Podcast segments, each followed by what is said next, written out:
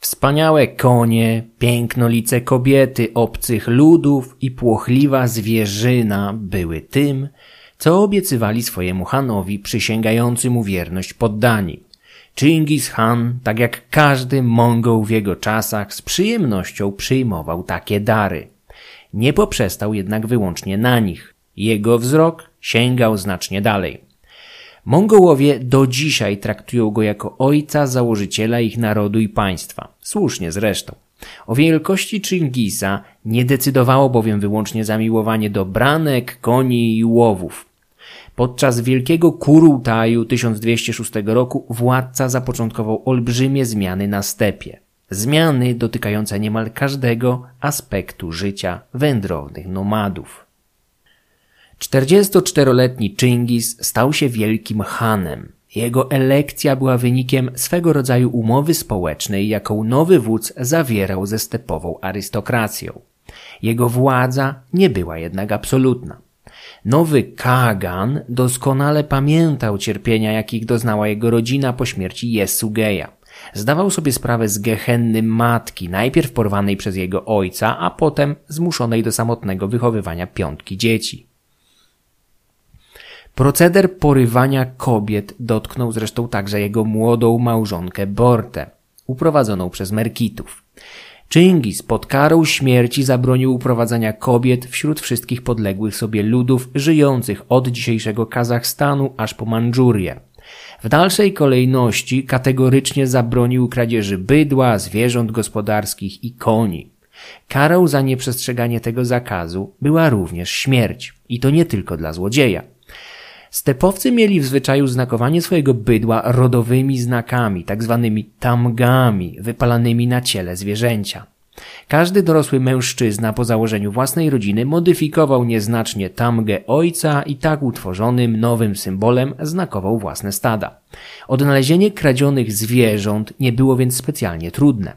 Chingis powołał jednak coś na kształt biura rzeczy znalezionych, kierowanego przez urzędnika, Buar Gucciego, któremu oddawano zabłąkane zwierzęta bądź inne przedmioty o dużej wartości.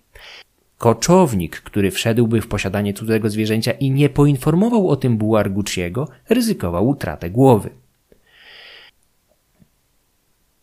Dekapitacja groziła także za cudzołóstwo, o ile zamężna lub żonata osoba popełniła je z czyimś mężem lub żoną.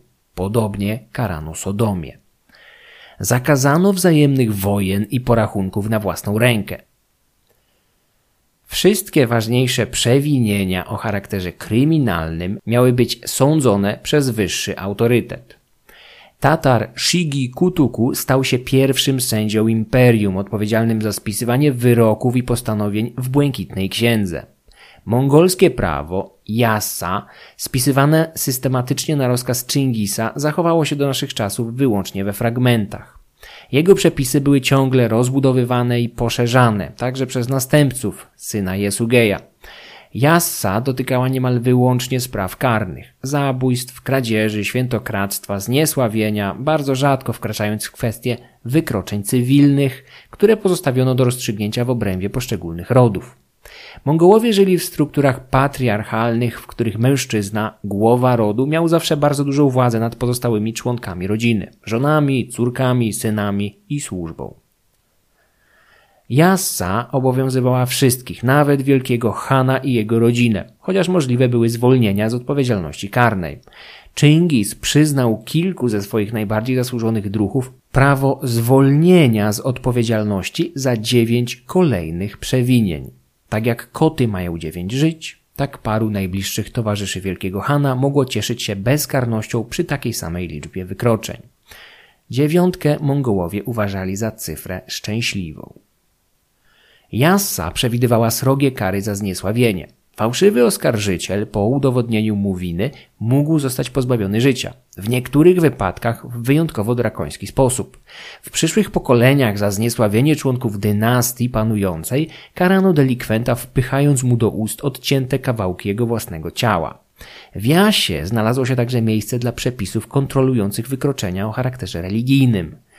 Mongołowie byli niewiarygodnie przesądni, o czym świadczą liczne przepisy zabraniające np. wkładania noża do ognia. sikania do rzeki lub popiołu, kąpania się w bieżącej wodzie, szczególnie podczas burzy, łamania kości o kość, wylewania płynów na ziemię czy stawiania stopy na progu jurty.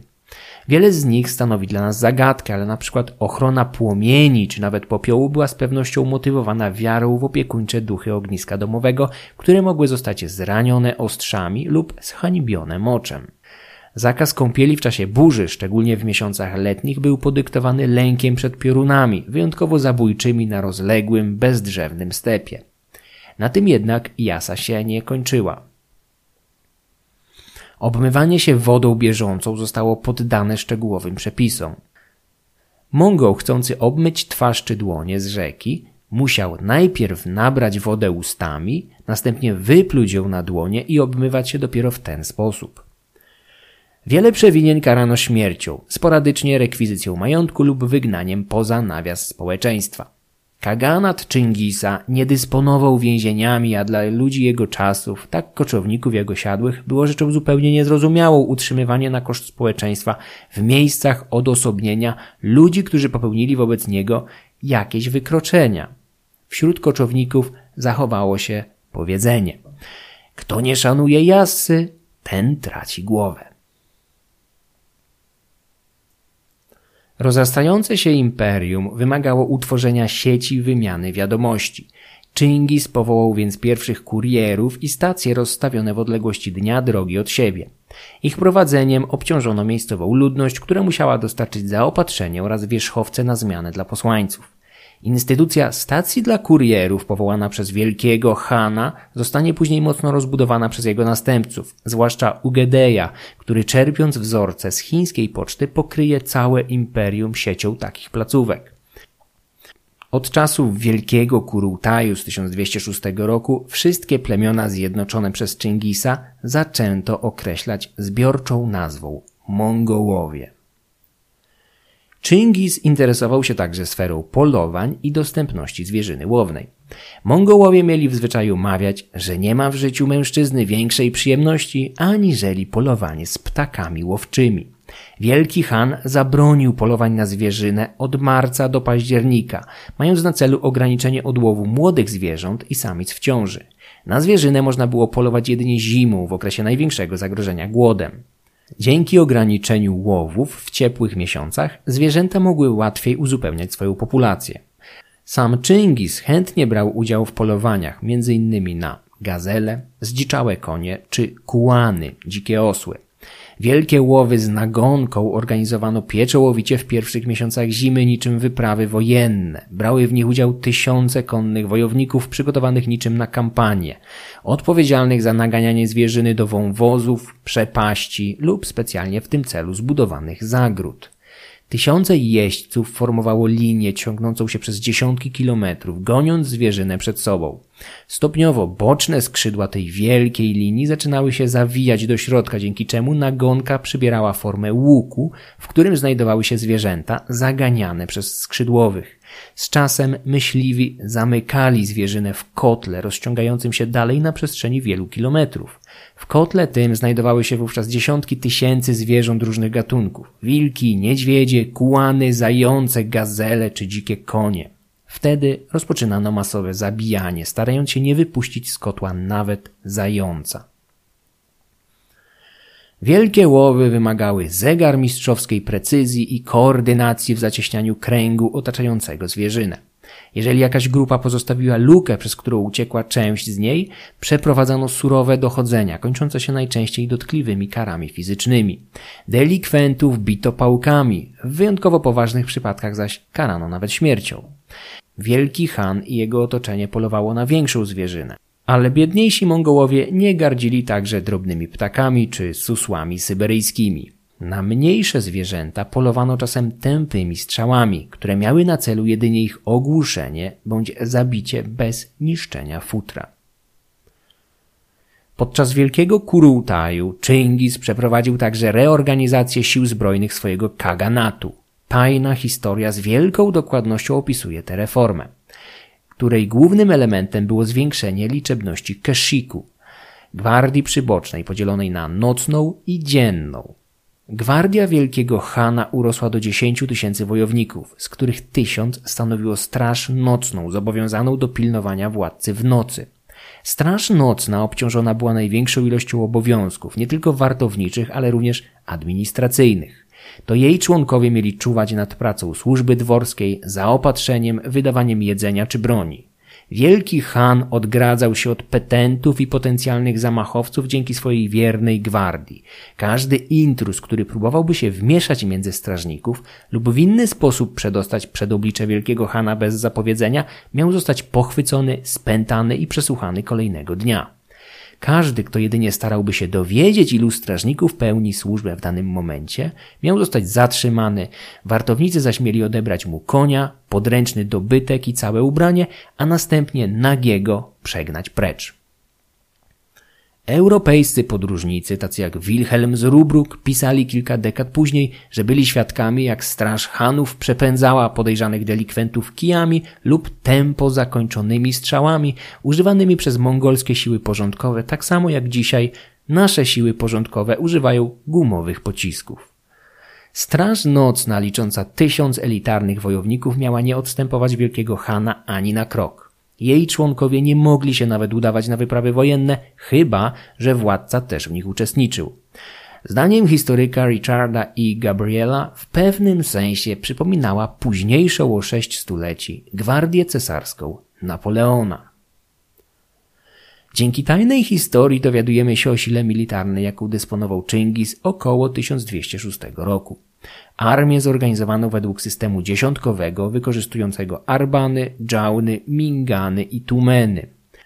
Całość sił zbrojnych imperium zawierała się w 95 minganach, z których każdy liczył oficjalnie tysiąc wojowników, ale w rzeczywistości liczba ta rzadko była w pełni uzyskiwana. Poza tymi Minganami Chingis mógł liczyć także na jednostki zwasalizowanych ludów żyjących na obrzeżach Wielkiego Stepu.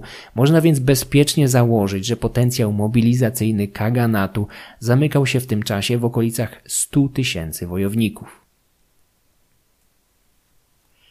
Już w 1207 roku część z tej potęgi została wykorzystana przez Jochiego, który otrzymał od ojca zadanie podporządkowania mu ludów syberyjskich.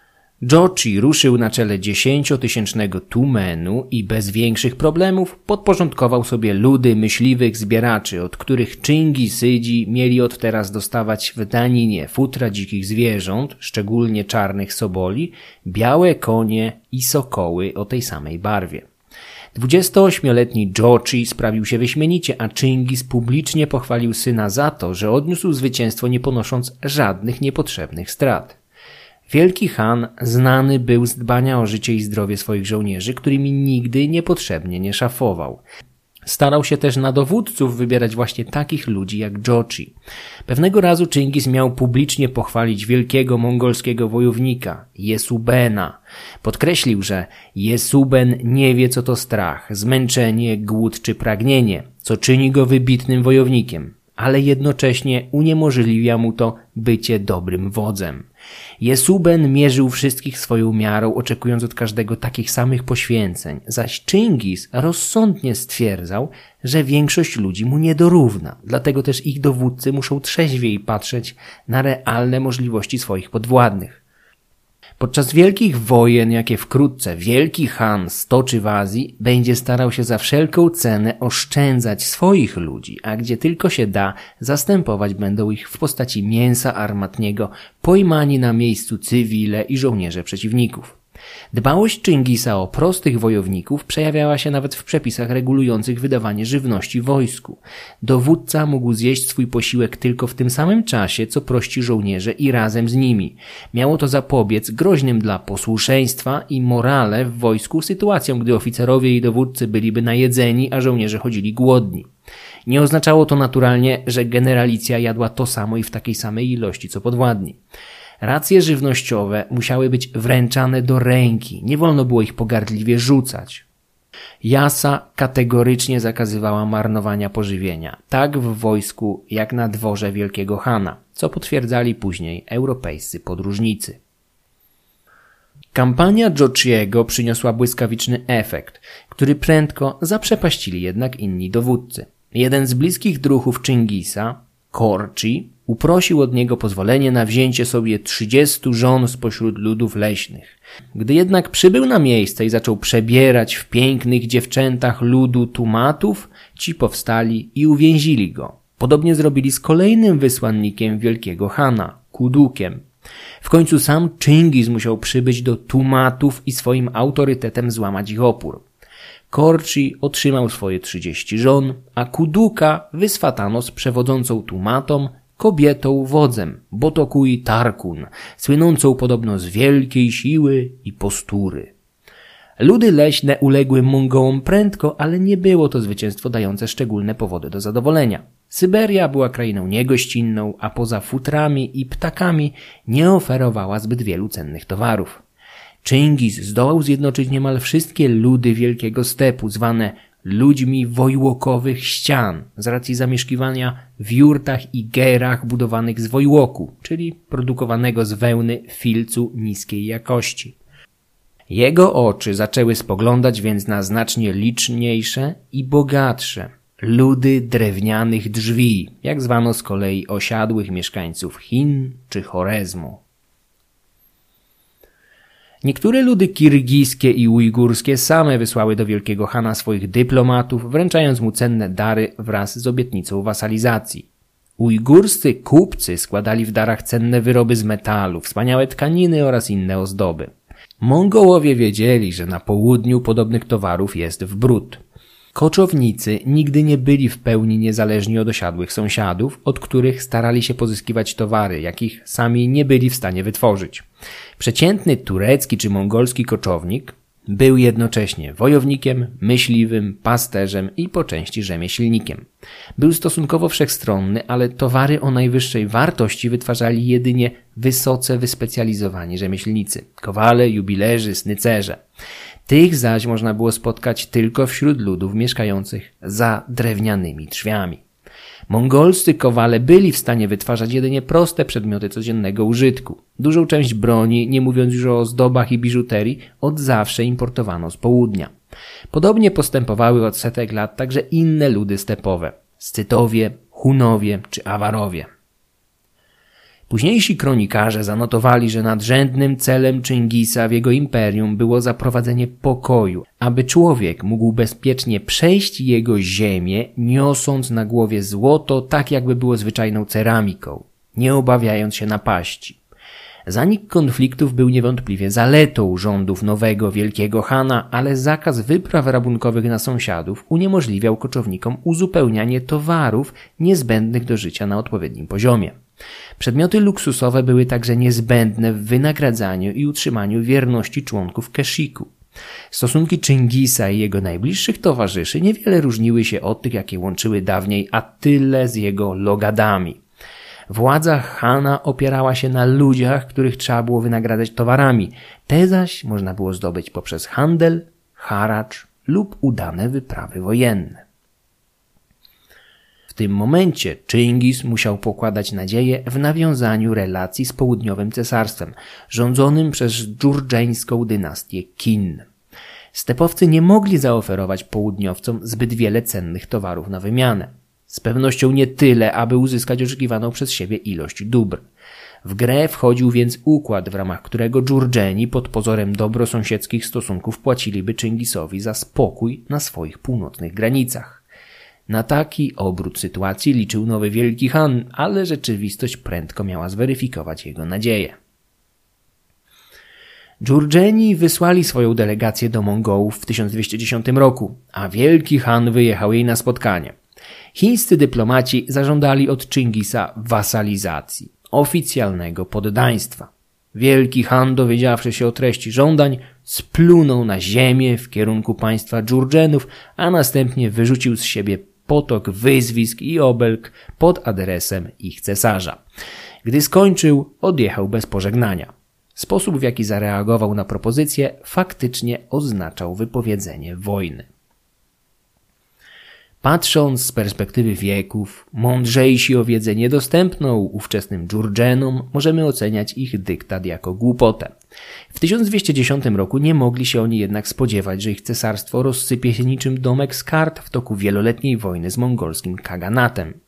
Populacja ich państwa pięćdziesięciokrotnie przekraczała tę, jaką dysponowali koczownicy, a siły zbrojne dżurdżenów również powinny bez problemu odeprzeć najazdy. Liczono się naturalnie z pewnymi stratami, ale zniszczenia i rabunki zawsze były wpisane w rachubę wzajemnych relacji, gdy sąsiadem byli koczownicy pokroju Tatarów, Mongołów, Kerejtów czy Naimanów. Pewnym ostrzeżeniem dla Dżurdżenów mógł być los sąsiedniego państwa Tangutów, znanego jako Shishia. Między 1205 a 1210 rokiem Mongołowie dokonali trzech najazdów na Tangutów, w ich trakcie odnosząc szereg zwycięstw i oblęgając stolicę przeciwnika.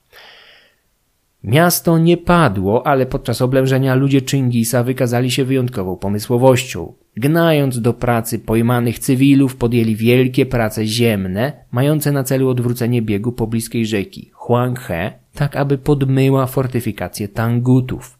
Sukces był połowiczny. Ziemne wały faktycznie odwróciły bieg rzeki, ale w trakcie prac część z nich runęła i woda zamiast w kierunku miasta popłynęła do mongolskiego obozu, zalewając go tak, że koczownicy stali w niej po kolana.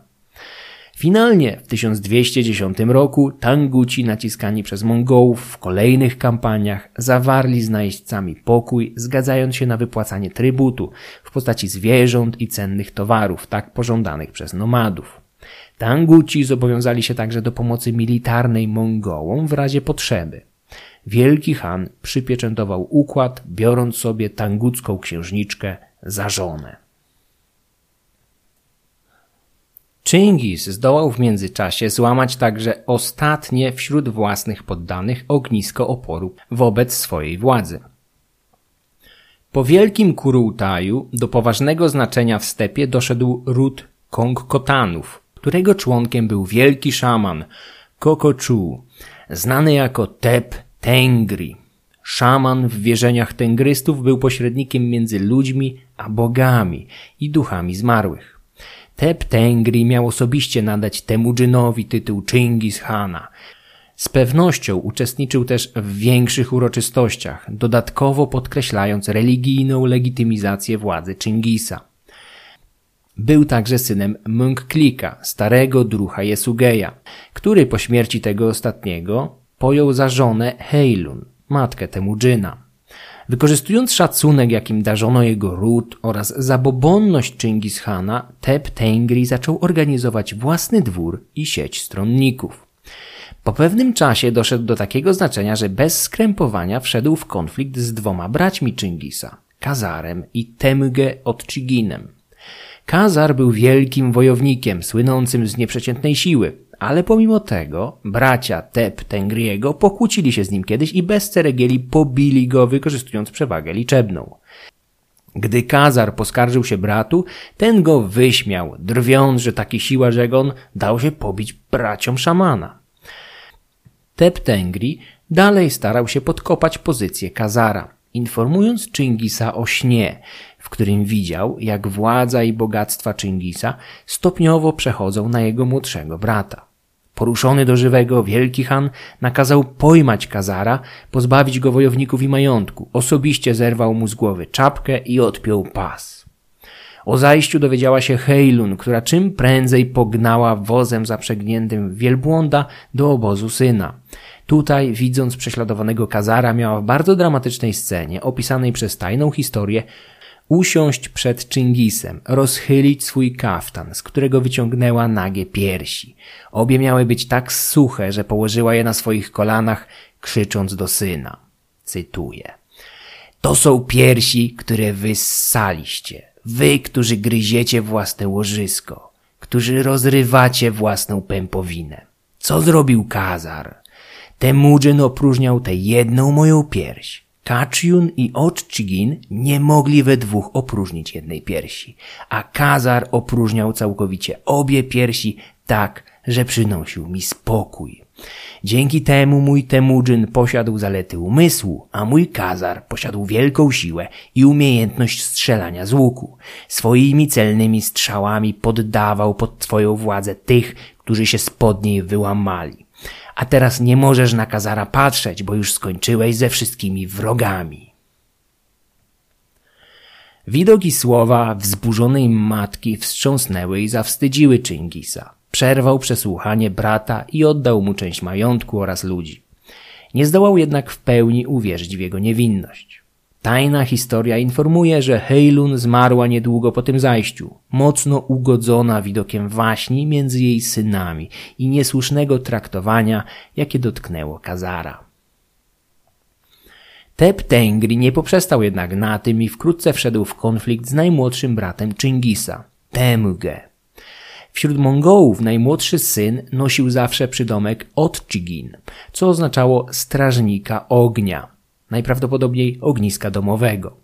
Po śmierci ojca to właśnie najmłodszy syn, Otchigin, dziedziczył większość jego majątku i stawał się opiekunem swojej matki i sióstr. Wraz z majątkiem szła więc także odpowiedzialność za całą żeńską część rodu, niejednokrotnie bardzo liczną. Jakiś czas po awanturze z Kazarem, Tep Tengri i jego bracia najpierw pobili jednego ze sług od Chigina, a gdy ten udał się do nich z protestem, zastraszyli także i jego, zmuszając go do haniebnego uklęknięcia przed szamanem i odwołania swoich racji. Upokorzony od Chigin również udał się do Chingisa, ale i tym razem nie mógł wiele wskórać. W tym momencie inicjatywę przejęła Borte, która widząc niechęć męża wobec słusznych pretensji skrzywdzonych braci, zarzuciła mu ślepotę. Kobieta argumentowała, że jeżeli Tep Tengri w tak bezczelny sposób traktuje braci wielkiego Hana, to jak postąpi z nią albo jej dziećmi po śmierci Chingisa? W tym momencie wielki Han miał dostąpić otrzeźwienia. Przyznał bratu rację i pozwolił mu zemścić się na szamanie. W epizodach z Heilun i Borte tajna historia pokazuje wielkiego Hana z bardzo ludzkiej strony jako człowieka omylnego, zazdrosnego i zabobonnego. Nie jest jednak bezmyślnie uparty i potrafi przyjąć dobrą radę od matki czy żony patrzącej na sytuację z innej strony. Monolog Heilun dowodzi, że autorzy kroniki nie patrzyli na temu Dżyna jako na wybitnego wojownika. Na tym polu zdecydowanie ustępował młodszemu Kazarowi. Mongołowie cenili przede wszystkim jego rozum i zdolności intelektualne. Po rozmowie z Borte, Chingis wezwał Tep Tengriego razem z jego ojcem i braćmi do swojej siedziby. Gdy wszyscy przybyli i zasiedli w namiocie, do wnętrza wszedł Otchigin, a Chingis oznajmił obecnym, że jego najmłodszy brat ma jakiś konflikt z szamanem i powinni czym prędzej rozwiązać go na zewnątrz, staczając tradycyjny mongolski pojedynek zapaśniczy. Szaman wyszedł z jurty za Otchiginem, ale tuż za rogiem pochwyciło go kilku osiłków, którzy natychmiast powalili go na ziemię i skręcili mu kark. Zamiast uczciwego pojedynku jeden na jednego skończyło się na bieszczackim solo, czyli trzech na jednego. Otchigin powrócił tymczasem do jurty Chingisa, cynicznie oznajmiając obecnym, że niestety do pojedynku dojść nie może, gdyż szaman sam rzucił się na ziemię i udaje bezsilnego. Bracia i ojciec Tep Tengriego od razu zrozumieli, co zaszło na zewnątrz i być może przypomnieli sobie los Buriego siłacza, który niegdyś poniżył publicznie Belguteja, za co poniósł wkrótce potem podobną śmierć. Chingis oszczędził ród Kongkotanów, ale zrugał ich z góry na dół, zarzucając im niewdzięczność. Munklik i jego synowie nigdy już nie odzyskali dawnego znaczenia. Chingis zaś na miejsce zabitego szamana powołał innego, znacznie starszego i mniej ambitnego. Wielki Han bezlitośnie tępił wszelkie przejawy oporu, czym odróżniał się od swoich poprzedników. Jego przybrany ojciec, a później też zaciekły przeciwnik, Ong Han, wykrył niegdyś spisek swoich najwyższych dowódców. Poruszony do żywego zebrał wszystkich podejrzanych w swoim namiocie, zrugał ich wyzwiskami, a na końcu opluł każdego z osobna przy świadkach. Gdy wyszedł, jego ludzie po kolei powtórzyli proceder, plując w twarz każdemu z oskarżonych. Innych konsekwencji wobec delikwentów nie wyciągnięto. Ong Han zginął kilka lat później. Chingis nigdy nie pozwalał sobie na taką delikatność, co zapewne mocno przyczyniło się do sukcesu tak jego, jak i całej dynastii Chingisydów. Śmierć potężnego czarownika Peptengriego prędko obrosła na stepie legendą. Z czasem ludzie zaczęli powiadać, że Chingis pokonał go w nadprzyrodzony sposób podczas pojedynku dwóch potężnych szamanów. Ciało pokonanego miało się potem jeszcze przez długi czas unosić nad ziemią, także wielki Han nakazał przykryć je namiotem. Chingisa od tej pory uznawano za biegłego w sztukach magicznych. W mongolskim folklorze zadomowił się z czasem jako wielki, potężny szaman. Uśmierzywszy ostatni punkt oporu w stepie, Chingis rozpoczął przygotowania do wojny z Dżurdżenami. Wybuch konfliktu można było uzasadniać arogancją dżurdżeńskich posłów lub zadawnionymi porachunkami.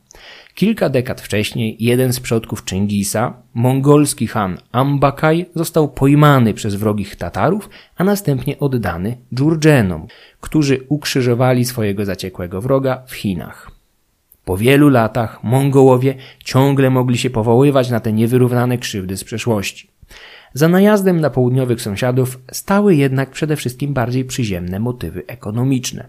Stepowy kaganat potrzebował stałego dopływu cennych dóbr i sukcesów militarnych legitymizujących władzę nowego kagana.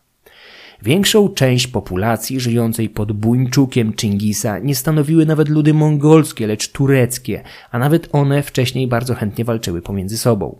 Utrzymanie tej barwnej mieszanki wielojęzycznych plemion wymagało jakiegoś mocnego, ciągle odnawianego spoiwa, a takim były udane wyprawy wojenne na sąsiadów. W 1211 roku Mongołowie zebrali największe wojsko w swojej dotychczasowej historii, liczące ponad 100 tysięcy wojowników i z tak olbrzymią siłą stanęli przed Wielkim Murem. W tym miejscu dodam, że wbrew powszechnemu i ciągle powielanemu mitowi, Wielki Mur nie jest w żaden sposób widoczny z kosmosu.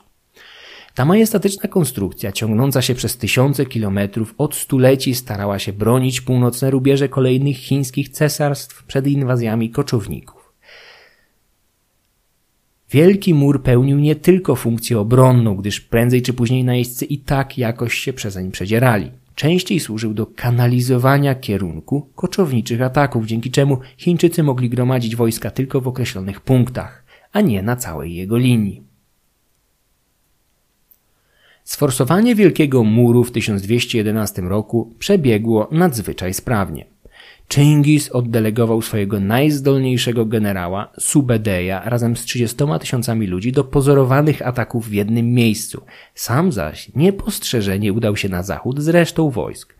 Przybył do punktu strzeżonego nie przez Chińczyków, lecz tureckich Ongutów, którzy z łatwością dali się przeciągnąć na stronę Mongołów. Ci ostatni w sile kilkudziesięciu tysięcy jeźdźców z łatwością znaleźli się na ziemiach dżurdżeńskiej dynastii Kin, czyli Złotej. Dżurdżeni wyrwali panowanie nad północnymi Chinami z rąk Kitanów, jednego z ludów koczowniczych spokrewnionych z Mongołami. Długie dzieje Chin widziały wiele skutecznych inwazji z północy, kiedy to zaprawieni w bojach nomadzi, tacy jak Kitanowie, Dżurdżenowie czy Mongołowie, byli w stanie przejąć na jakiś czas władzę w osłabionym państwie środka. Na miejscu Prędko jednak zmieniali swoje zwyczaje i w ciągu najwyżej kilku pokoleń ulegali głębokiej sinizacji, upodabniając się do swoich poddanych. Chińczycy określali ten proces jako gotowanie. Barbarzyńcy niezaznajomieni z dobrodziejstwami chińskiej cywilizacji byli surowi lub niedogotowani, w przeciwieństwie do tych, którzy już w niej zasmakowali i zostali ugotowani. Podczas walki w Chinach jeden z pojmanych generałów miał nawet powiedzieć Chingisowi, że co prawda cesarstwo można zdobyć z końskiego grzbietu, ale nie sposób nim z niego zarządzać. Zanim jednak Mongołowie zdołają złamać opór Dżurdżenów, miną całe dekady, a Chingis tego nie dożyje. Zdoła jednak położyć podwaliny pod ostateczny sukces. Po przedarciu się przez niezbyt szczelny wielki mur, Mongołowie zaczęli plądrować północne rubieże cesarstwa. Wielka armia koczowników zawsze rozpraszała się po wkroczeniu na wrogim terytorium, a jednoczyła się tylko gdy na horyzoncie pojawiły się większe siły przeciwnika. Dzięki temu mogli łatwiej zaopatrywać olbrzymią ilość ludzi i przede wszystkim koni. Każdy wojownik brał ze sobą na wyprawę przynajmniej trzy wierzchowce, najczęściej wałachy lub klacze, których mlekiem mógł żywić się podczas kampanii. Jeździec rotował dosiadane przez siebie konie co 3-4 dni, tak aby każdy z nich odpoczął. W przypadku wyjątkowo wymagających pościgów wierzchowce zmieniano co kilka godzin, a nawet w trakcie jednej bitwy. Według Marco Polo Mongołowie mieli w zwyczaju podczas długotrwałego braku zaopatrzenia żywić się krwią swoich koni, chociaż robili to tylko w ostateczności, wówczas gdy nie mieli innych zwierząt pociągowych. Ong Han, pokonując pustynię Gobi, pił krew swojego wielbłąda. Koczownicy byli nawet w stanie zjeść łożysko pozostałe po narodzinach źrebaka. Muzułmanie z obrzydzeniem notowali z kolei, że po zakończonym polowaniu stepowcy mieli w zwyczaju jeść nawet jelita upolowanych zwierząt, oczywiście po wcześniejszym opróżnieniu ich z przetrawionych produktów przemiany materii. Mongołowie dosiadali przede wszystkim tzw. Koni przewalskiego. Zwierzęta te, chociaż ustępujące wielkością i urodą koniom wykorzystywanym przez kawalerię chińską, muzułmańską czy europejską, miały mnóstwo zalet. Przede wszystkim były nieprawdopodobnie wytrzymałe. Do tego same potrafiły znajdować pożywienie, także w zimie, wygrzebując je spod śniegu. Mogły jeść nawet liście. Mongol oswajał się z jazdą konną mając 3 lata. Jego nauczycielką była w tym zawsze matka. Mając zaś 5 lat zaczynał już strzelać z łuku. Jeźdźcy oswajali swoje konie niczym psy, także reagowały na wydawane przez nich komendy i gwizdy. Do tego wierzchowce podążały za swoim właścicielem, dzięki czemu jeden wojownik mógł spokojnie brać na wyprawę kilka sztuk, nie potrzebując do pomocy żadnego koniuszego. Chingis wymagał od Mongołów dbałości o konie. W tajnej historii zachował się nawet fragment, w którym instruuje Subedeja, jak powinien obchodzić się z nimi podczas wyprawy, tak aby oszczędzać ich siły. Instrukcje kierowane przez Chingisa do swojego najlepszego generała były w pewnym sensie zrozumiałe, gdyż Subedej nie był nawet z pochodzenia Mongołem. Wywodził się z syberyjskich ludów leśnych, z plemienia Uriangajów i jest bardzo prawdopodobne, że nauczył się jeździć konno dopiero jako nastolatek po dołączeniu do Temudżyna.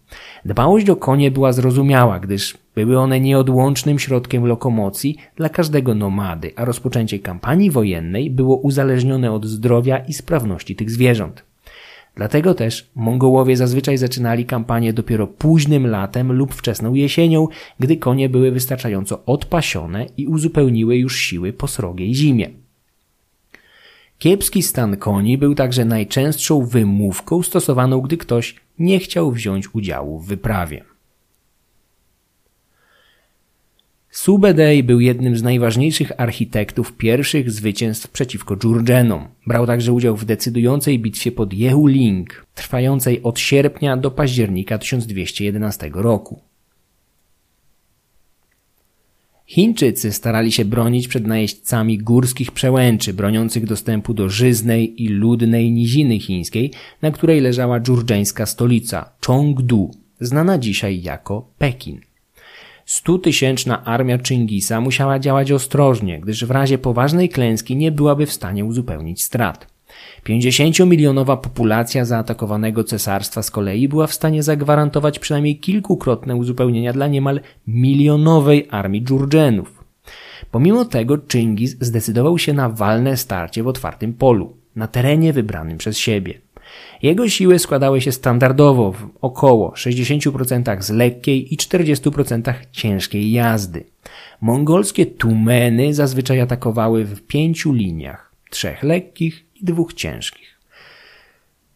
Lekko zbrojni mieli za zadanie zasypywać przeciwnika tysiącami strzał. Każdy z nich miał do dyspozycji dwa łuki, jeden krótko, a drugi długodystansowy oraz dwa kołczany po 30 strzałów w każdym. Tysiąc konnych łuczników, wypuszczających nawet kilka strzał na minutę, mogło zasypać przeciwnika 60 tysiącami strzał podczas walki. Jeżeli zaś weźmiemy pod uwagę, że było ich kilkadziesiąt tysięcy, to całość wystrzelonych w kierunku chińskich linii pocisków wzrastała do astronomicznej ilości. Mongolski jeździec zawsze oddawał strzał dokładnie w tym momencie, gdy wszystkie kopyta jego wierzchowca znajdowały się nad ziemią, tak aby zlikwidować zaburzenia i wstrząsy przy strzale. Chińska armia składała się głównie z dobrze wyszkolonej i uzbrojonej piechoty walczącej niczym falanga za pomocą długich włóczni i wielkich tarcz. Poza tym Dżurdżanowie z pewnością powołali pod broń dziesiątki tysięcy lekkozbrojnych piechurów w ramach pospolitego ruszenia, chociaż ci nie stanowili wielkiego wsparcia na polu bitwy. Nie dysponując wystarczającym uzbrojeniem defensywnym, ginęli pod gradem mongolskich strzał niczym muchy. Całość wojska uzupełniała bardzo dobra kawaleria, ustępująca jednak jakością tej mongolskiej. Różnica leżała przede wszystkim w jakości pojedynczych wojowników oraz wybitnej taktyce Mongołów. Subedej, zapytany kiedyś przez Tołuja, najmłodszego syna Chingishana, jak ma walczyć z Chińczykami, odparł dość zwięźle. Jego zdaniem Chińczycy są ludźmi urodzonymi i wychowanymi w miastach, a przez to łatwo podatnymi na zmęczenie. Należy szarpać ich siły nieustannie ponawianymi podjazdami i przecinać linie zaopatrzenia. Do tego dochodziły oczywiście pozorowane ataki przeprowadzane przez jednostki znane jako Mangudai, które ścierały się z wrogiem, a po krótkiej walce odwracały się i pozorując ucieczkę wciągały go w zasadzkę, gdzie czekały na niego większe mongolskie siły. Często stosowano także manewr znany jako tulugama, Ciężko zbrojeni mongolscy jeźdźcy uzbrojeni w długie lance z hakami służącymi do ściągania przeciwników z siodła uderzali na linię przeciwnika wspierani salwami strzał lekkozbrojnych wystrzeliwanych tuż nad ich głowami.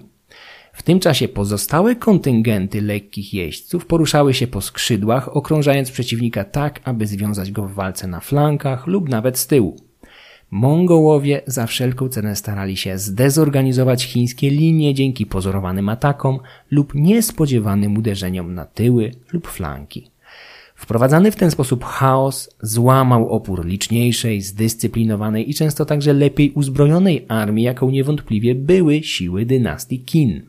Pod Jehu Ling Mongołowie wykorzystali wszystkie sztuczki ze swojego bogatego arsenału, gromiąc przeważające liczebnie wojska dżurdżenów, które według źródeł mogły liczyć łącznie nawet 400 tysięcy ludzi. W przypadku wojen prowadzonych w Chinach takie liczby nie były niczym niezwykłym. Dżurdżenowie wiedzieli, że możliwości mobilizacyjne Mongołów są skromne. Nie załamywali rąk nawet po tak wielkiej klęsce i przystąpili do długotrwałej wojny na wyczerpanie przeciwnika. Koczownicy prędko zrozumieli zagrożenie czyhające na nich w konflikcie o takim charakterze. Z pomocą przyszli im jednak coraz liczniejsi zbuntowani poddani Dżurdżenów, przede wszystkim Kitanowie, którzy niegdyś dominowali w północnych Chinach. Chingis zaoferował Kitanom wskrzeszenie ich państwa na miejscu cesarstwa Dżurdżenów w zamian za pomoc w wojnie i wasalizację. Na Kitanach się nie skończyło. Na stronę koczowników przechodzić zaczęli także niektórzy z dżurdżeńskich generałów, prowadząc za sobą całe jednostki Chińczyków Han. W końcu w 1213 roku mongolskie wojska obległy Pekin, stopniowo zacieśniając ręce na szyi Dżurdżenów. W ciągu kilku lat, jakie minęły od wtargnięcia koczowników do państwa środka, zdołali oni nie tylko udoskonalić swoją wiedzę z dziedziny sztuki oblężniczej, ale także zasilić swoje szeregi tysiącami chińskich inżynierów i specjalistów z tej dziedziny. Wielu z nich zostało do tego zmuszonych. Zapewne większość. Pomimo tego zdobycie miasta o potężnych kilkunastometrowych murach, dodatkowo zwieńczonych 900 wieżami strażniczymi, przerosło siły Mongołów, przynajmniej w tym momencie. Zwłaszcza, że w ich obozie wybuchła epidemia. Nieodłączna towarzyszka dawnych wielkich armii, szczególnie tych oblegających długo oporne miasta. Mongołowie nawiązali z Dżurdżenami rozmowy pokojowe zakończone rozejmem. Koczownicy mieli opuścić Chiny, bogatsi o olbrzymi haracz i córkę cesarza wydaną za mąż za Chingishana. Do tego formalnie uznano niezależność Kitanów, którzy mieli stworzyć na północy państwo wasalne Mongołów. Sami Dżurdżenowie, którzy jeszcze pięć lat temu domagali się od Chingishana hołdu lennego, teraz znaleźli się w pozycji jego wasali. Cesarz Xianzong grał jednak na czas. Uzgodnił razem z doradcami, że należy się za wszelką cenę pozbyć intruzów z terytorium cesarstwa, a następnie prędko przygotować na rewanż. Chingis ze swoimi ludźmi obładowanymi łupami zdobytymi w toku czterech lat wojny zaczął powoli wycofywać się do ojczyzny. Po drodze Mongołowie wymordowali większość wziętych wcześniej do niewoli Chińczyków, głównie żołnierzy i cywili, którzy teraz nie przedstawiali dla nich żadnej wartości. Byli wręcz obciążeniem. Mówimy tutaj o dziesiątkach tysięcy ofiar. Nie pierwszych i nie ostatnich w trakcie wojen toczonych przez Mongołów w Chinach. Plano Karpini w swojej relacji sporządzonej z wyprawy na wschód trzy dekady później pisał, że dla Mongołów ludzkie życie nie znaczy nic. Co prawda, obie strony konfliktu dopuszczały się nieprawdopodobnych masakr na cywilach. Dżurżenowie bowiem także twardą ręką zgniatali opór zbuntowanych chłopów, ale skala okrucieństwa i bezwzględności Mongołów wobec cywilów podczas tej kampanii była czymś spektakularnym. Jeden z chińskich autorów relacjonował, co następuje. Cytuję. Za każdym razem, kiedy chcą zdobyć wielkie miasto, najpierw napadają na małe miejscowości, biorą do niewoli tamtejszych mieszkańców i pędzą ich do oblężenia. W tym celu wydają rozkaz, żeby każdy żołnierz pojmał dziesięciu ludzi. Kiedy ta ilość jest całkowicie zebrana, każdy człowiek bierze odpowiednią ilość trawy albo drzewa, ziemi, kamieni. Pędzą ich dzień i noc, zabijając tych, co zostają w tyle.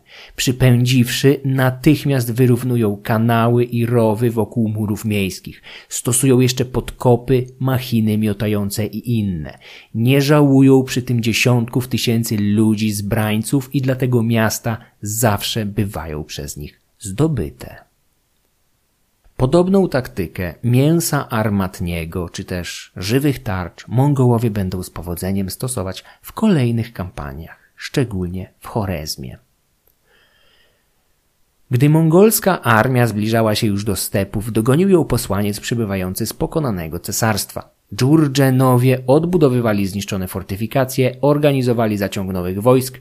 Pierwsze jednostki już wyruszyły przeciwko Kitanom. Jakby tego było mało, cesarz Xianzong opuścił dotychczasową stolicę Chongdu i z całym dworem ruszył na południe do miasta Kaifeng, leżącego na południowym brzegu rzeki Huanghe trudno dostępnym dla najeźdźców przybywających z północy.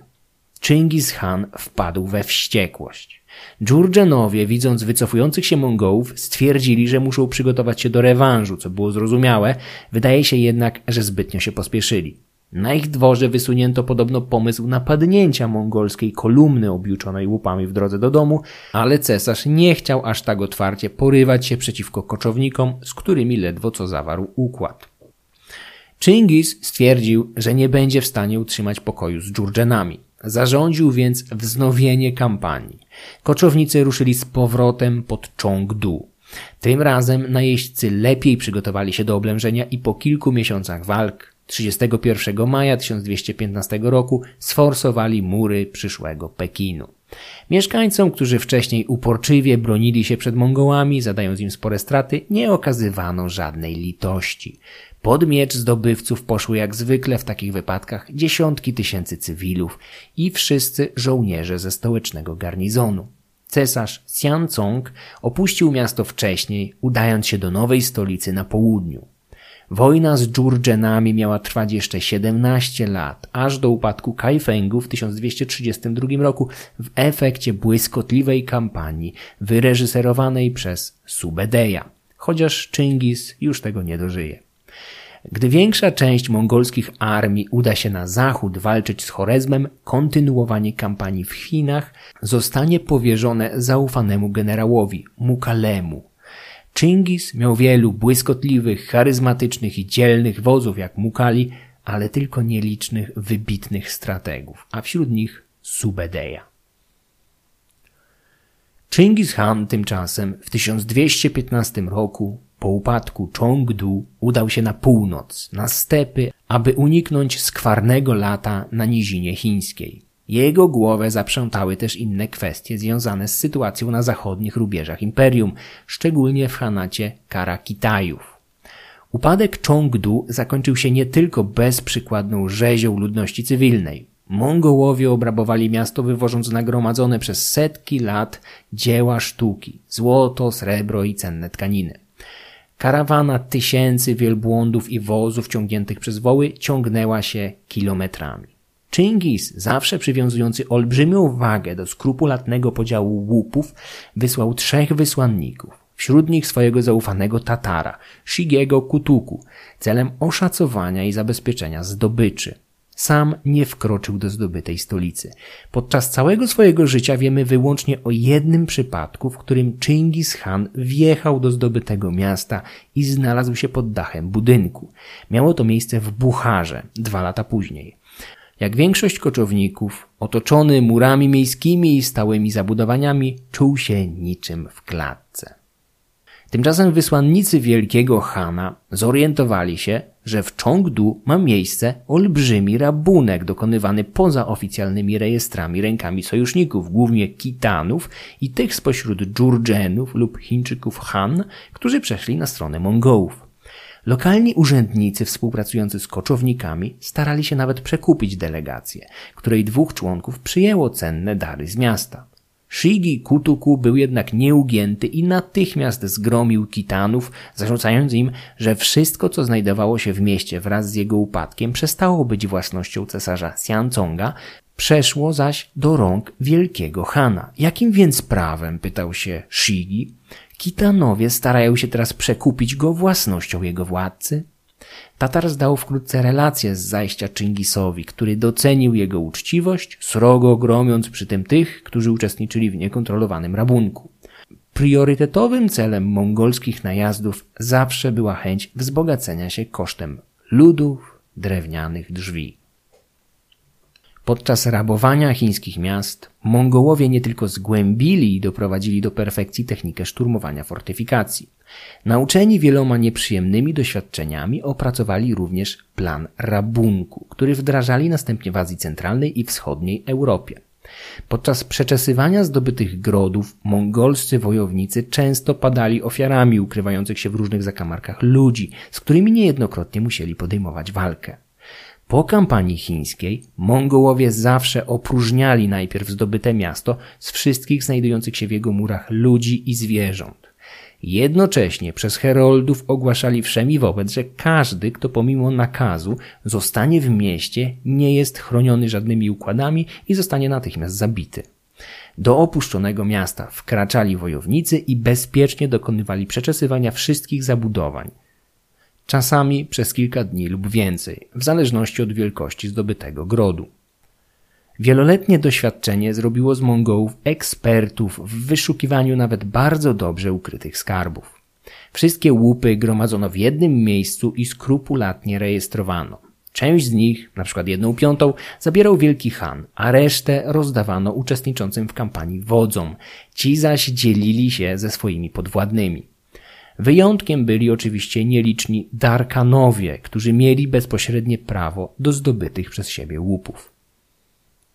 Los zniewolonej ludności zazwyczaj bywał dramatyczny. Na ocalenie mogły liczyć przede wszystkim młode kobiety i rzemieślnicy. Kobiety zamieniano w służące lub nałożnice, czasem w mongolskich źródłach eufemistycznie określane jako żony. Mongołowie zawsze starali się oszczędzać wykwalifikowanych jeńców, szczególnie kowali. Podczas kampanii na Rusi pojmali i wywieźli na wschód tak wielu przedstawicieli tego zawodu, że Ruś przez kolejne dwa stulecia odczuwała ich niedobór. Wszyscy snycerze, jubilerzy, kamieniarze, górnicy, lekarze czy rzeźbiarze także mogli liczyć na ocalenie. Podczas kampanii na Węgrzech w latach 40. XIII wieku wojska Subedeja pojmały m.in. wielu niemieckich górników. Rewizjonistyczny pisarz Jack Weatherford, autor najpopularniejszej w świecie anglojęzycznym książki o Mongołach, Genghis Khan and the Making of the Modern World, wydanej dwie dekady temu, także w Polsce, Podaje jako przykład wielkiej światłości mongolskich zdobywców fakt, że umożliwili oni wielkie transfery ludności. Między innymi ściągali chińskich lekarzy do Persji, a wspomnianych niemieckich górników do Chin. Oczywiście autor nie informuje w tym miejscu, że owi Niemcy byli niewolnikami gnanymi przez całą Eurazję, a perskie delegacje chińskich lekarzy też nie były zbyt dobrowolne. Kiedyś jakiś autor zapewne w podobnym duchu stwierdzi, że na przykład Stalin był wspaniałym człowiekiem, ponieważ umożliwił darmowe podróże po całym Związku Radzieckim Rosjanom, Ukraińcom, Polakom, Niemcom, Tatarom i całej masie innych nacji. Weatherford, jak wielu jemu podobnych autorów, patrzy na podboje koczowników przez różowe okulary, dobierając pasujące mu dane i skrzętnie pomijając te, które nie odpowiadają jego wizji. Dlatego jego książka, szczególnie wprowadzenie do niej określiłem wcześniej jako intelektualny ekskrement. Polak Stanisław Kałużyński czy Rosjanin Lew Gumiłow, których książki wydawano w Polsce, są ciągle bardziej rzetelnymi i wartościowymi autorami, nawet pomimo tego, że ich książki opublikowano przed kilkoma dekadami. Poza młodymi kobietami i rzemieślnikami Mongołowie cenili także wielbłądników, tłumaczy i kupców, czyli wszystkich ludzi, którzy mogli umożliwić im nawiązywanie cennych relacji handlowych, będących podstawą dochodów i dobrobytu imperium. Ludzie niedysponujący cennymi zdolnościami w najlepszym wypadku mogli być zignorowani. Częściej jednak wykorzystywano ich jako niewolniczą siłę roboczą lub mięso armatnie, szczególnie podczas oblężeń. Chingis Khan starał się za wszelką cenę oszczędzać cenne życie swoich stepowych wojowników, których liczba zawsze była ograniczona. Dlatego też najbardziej ryzykowne prace podczas oblężeń, takie jak zasypywanie rów i fosów, wykonywali pojmani cywile. Ich życie nie znaczyło nic. Sytuacja uległa pewnej zmianie po utrwaleniu pokoju na podbitych ziemiach. Nowe prawa otoczyły pewną ochroną osiadłych cywilów, nakładając kary na koczowników, którzy chcieliby ich zabijać. Znamy nawet dokładną wartość życia Chińczyka w mongolskim imperium. Zamordowanie chińskiego rolnika, nawet zupełnie nieuzasadnione, należało wyrównać, przekazując jego rodzinie jednego osła. Dla porównania, mongolski koczownik, który zabiłby innego stepowca, Mongoła, Kerejte, Tatara czy Najmana, miał zgodnie z jazcą ponieść śmierć. Osioł za Chińczyka, stryczek za koczownika. Przetrwanie wstępnej selekcji jeńców nie oznaczało jeszcze przeżycia. Niewolnicy byli bowiem gnani niejednokrotnie przez tysiące kilometrów podczas morderczego marszu aż do Mongolii, gdzie w miejscach takich jak utworzone później Karakorum zaczęto budować pierwsze stałe osady na stepie. Rzemieślnicy zgromadzeni w tych lokacjach wytwarzali cenne przedmioty na potrzeby dworu Hana, jego rodziny lub innych członków mongolskiej elity. Dla osiadłych rzemieślników czy młodych kobiet pokonanie tak trudnej drogi pieszo zazwyczaj kończyło się śmiercią po drodze. Wiele osób umierało także tuż po przybyciu do Mongolii na skutek zetknięcia się z surowym, stepowym klimatem, tak odmiennym od panującego w Persji czy na nizinie chińskiej. Wilhelm z Rubruk spotkał na dworze Batu kobietę wywodzącą się z dalekiej Lotaryngii, a pojmaną na Węgrzech. Opisywała mu liczne cierpienia, jakich doznała razem z innymi niewolnikami po drodze z niziny węgierskiej aż do Seraju w delcie Wołgi. Po zadomowieniu się na miejscu i znalezieniu zajęcia na dworze Hana, jej życie stało się z czasem całkiem znośne. Różnica w traktowaniu ludzi osiadłych i koczowników wynikała, nazywając rzeczy po imieniu, w prostej linii z szowinizmu koczowników, którzy nie traktowali ludów żyjących za drewnianymi drzwiami jako równych sobie. Nomadzi uważali życie ludzi przywiązanych do jednego miejsca i budynku za nienormalne, uwłaczające, bardziej przypominające egzystencję zwierząt zapędzonych do zagrody. W taki też sposób, niczym zwierzęta, traktowali chińskich czy perskich chłopów, grając ich niczym stado bydła lub kóz. Nomadów przede wszystkim zaskoczył ogrom liczby jeńców wpadających w ich ręce w Persji czy Chinach. Na rzadko zaludnionym stepie wojny bardzo sporadycznie kończyły się większymi masakrami, gdyż ludzi i tak było tam niewielu. Populacja Chin zaś wielokrotnie przekraczała tę zamieszkującą cały znany Mongołom step. Najeźdźcy niejednokrotnie uciekali się do ludobójstwa, zdając sobie sprawę, że ze względu na swoje ograniczone siły nie będą w stanie sprawować skutecznej kontroli nad milionami cywilów, którzy w każdej chwili mogli wywołać powstanie na ich tyłach. To bezlitosne podejście wynikało również z niezrozumienia wartości generowanej przez miasta i gospodarkę ludów osiadłych. Tuż po śmierci Chingis część jego kadry oficerskiej na czele z Subedejem zasugerowała nawet jego następcy Ugedejowi masową eksterminację chińskich chłopów i zastąpienie ich pól pastwiskami dla koni, bydła, kóz czy owiec. W niektórych rejonach na północy kraju zresztą już przeprowadzono podobną rekultywację pól na pastwiska połączoną z wygnaniem chińskich rolników. Mongołowie, tworząc takie rozległe pastwiska na terenach uprawnych podczas kampanii wojennych, chcieli także zabezpieczyć trasę przyszłego powrotu do ojczyzny dla siebie i setek tysięcy zwierząt pociągowych idących razem z nimi. Sto tysięcy ludzi i pół miliona zwierząt wymagało olbrzymich zasobów. Mongołowie byli niszczycielami, ale nie bezmyślnymi. Ich podboje były uwieńczeniem trwających tysiące lat konfliktów między ludami osiadłymi i wędrownymi nomadami. Ich ekspansja wyznaczyła zenit potęgi stepowych koczowników, którzy nigdy wcześniej ani później nie zdobyli takiej przewagi nad osiadłymi sąsiadami. Ugedej rozważył propozycję mongolskiej generalicji na spokojnie, aby ostatecznie odrzucić ją po konsultacji ze swoimi chińskimi doradcami, zwłaszcza z Jelu Ku Chajem, który wytłumaczył wielkiemu Hanowi zyski, jakich może się spodziewać z pracy osiadłych rolników, o ile tylko wykorzysta do ich opodatkowania sprawny aparat biurokratyczny. Jelu Ku Chai może być najlepszym w historii ludzkości pretendentem do pokojowej Nagrody Nobla. Jego rady mogły uratować życie milionom Chińczyków. Sposób prowadzenia wojen przez Mongołów uległ jednak z czasem powolnej humanitaryzacji. Wnuk Chingisa, Kubiłaj, miał nawet zalecać swoim wodzom, aby nie powodowali niepotrzebnego cierpienia i ofiar wśród podbijanej ludności. Mieli także oszczędzać dzieła sztuki przed zagładą. Jednakże w 1215 roku, gdy padało Chongdu, Kubiłaj był dopiero niemowlęciem. Chingis tymczasem w 1215 roku powrócił na step, przygotowując się do kolejnych wyzwań. W koczowniczym nazewnictwie siedzibę Hana określano terminem Orda, który z czasem zaczął oznaczać także całe Hanaty razem z zamieszkującą je ludnością. Dla podkreślenia statusu Hanów ich namioty i ubiory często pozłacano. Sam Chingis niejednokrotnie podkreślał swoją ważność, mówiąc o swoim złotym życiu lub złotej osobie, a konia prowadził złotymi wodzami. Miejsce pobytu Hana zwano z tego powodu czasami Złotą Ordą i stąd wzięła się też nazwa Hanatu założonego w zachodniej części Imperium Mongolskiego, z czasem uniezależnionego od macierzy. Od ordy wzięło się popularne słowo horda, którego znaczenia z pewnością nie muszę tłumaczyć. Dla określenia wszystkich poddanych Hana razem z ich dobytkiem i koczowiskami znacznie lepszy jest termin ułus, tłumaczony najczęściej jako dzielnica.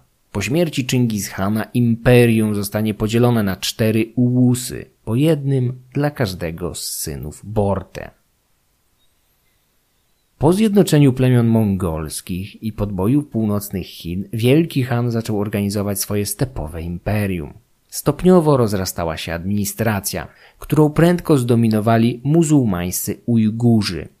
To od nich Mongołowie przejęli pismo zwane ujgurskim, w którym sporządzali swoje pierwsze utwory literackie, tak jak na przykład Tajna Historia.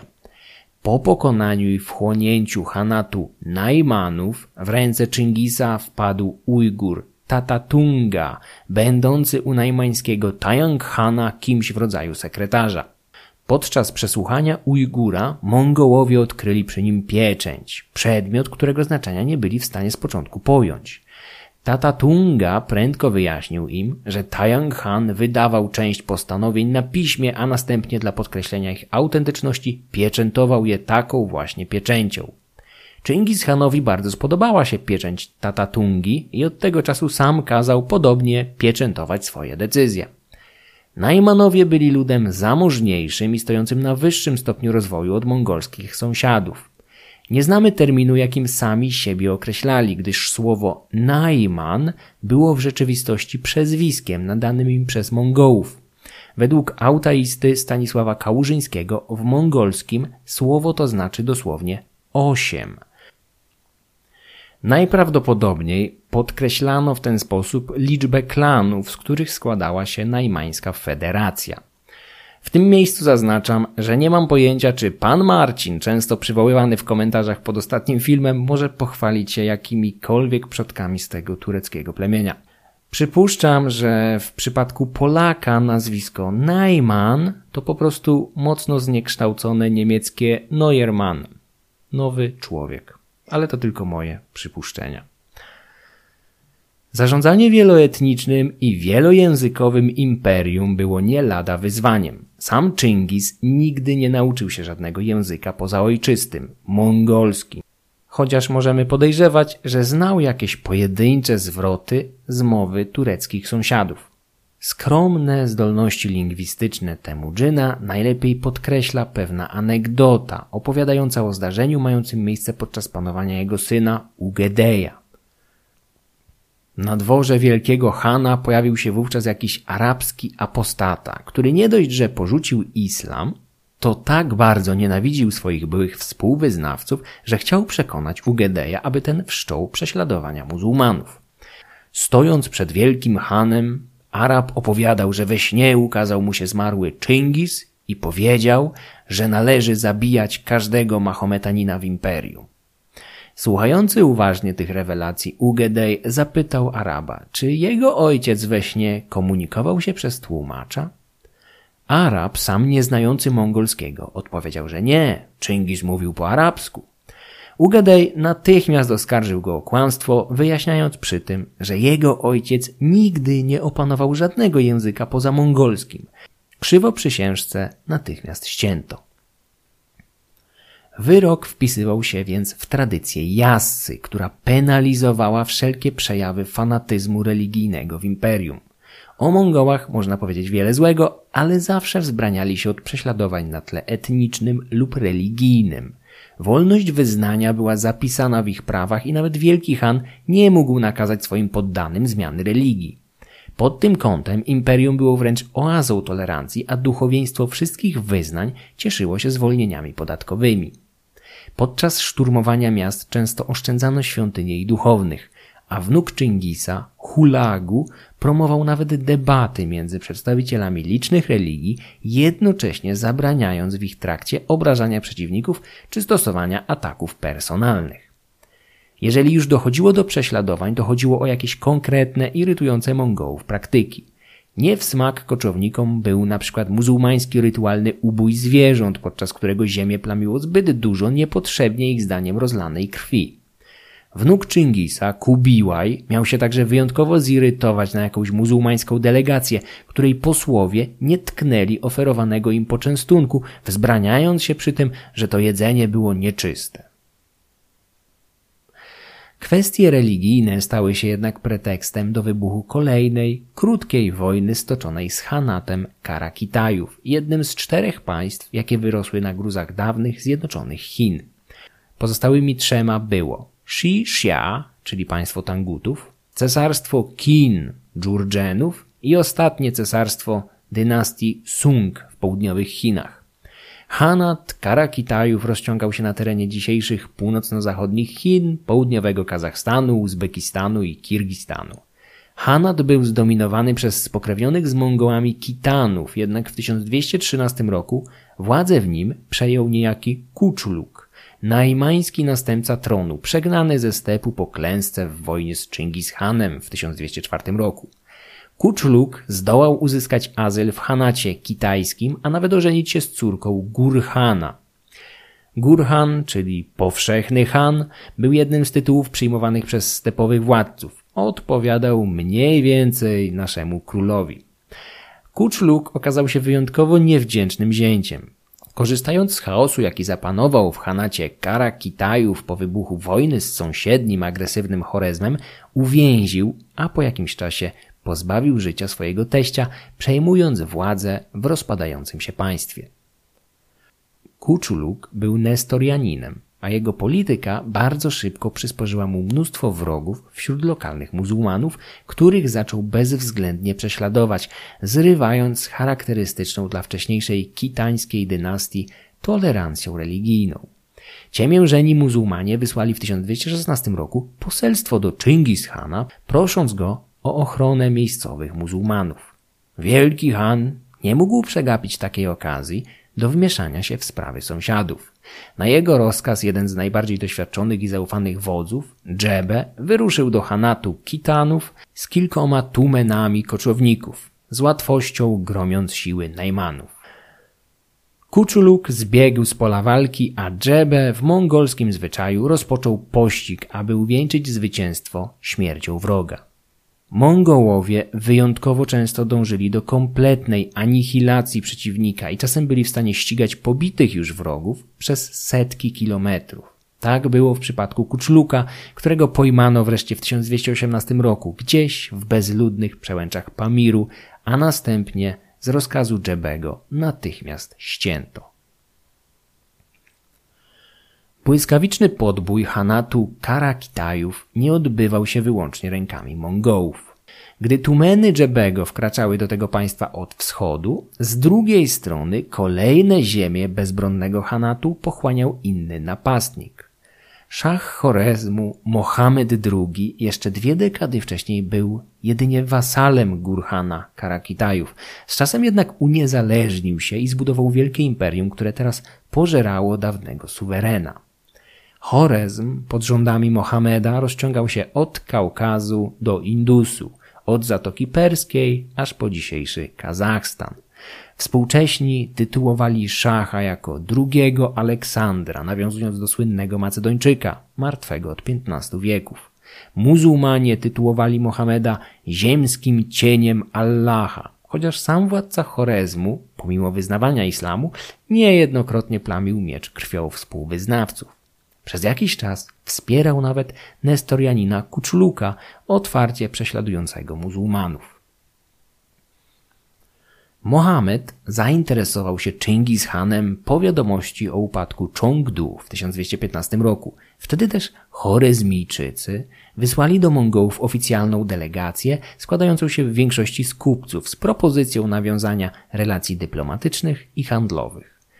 Chingis z zadowoleniem przyjął dyplomatów, ciesząc oczy cennymi darami złotem, srebrem, tkaninami czy kadzidłami z Półwyspu Arabskiego, wręczonymi mu na zachętę.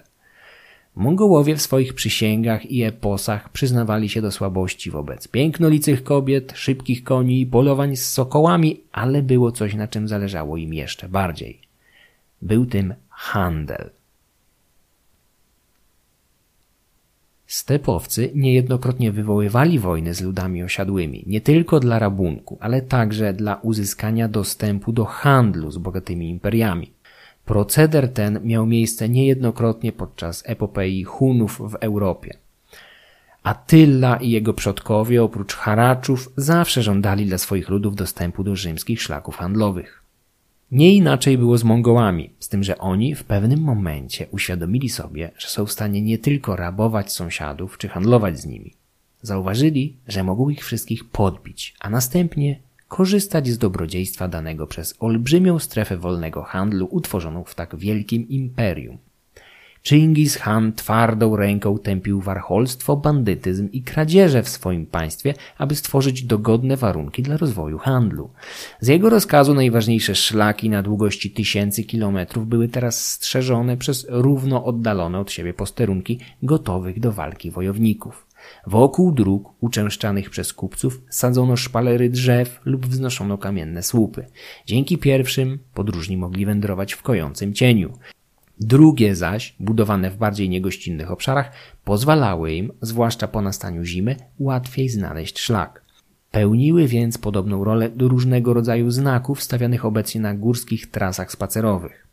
Hanowie mocno promowali budowę mostów na brodach rzecznych, konstrukcji wcześniej zupełnie nieznanych na stepie.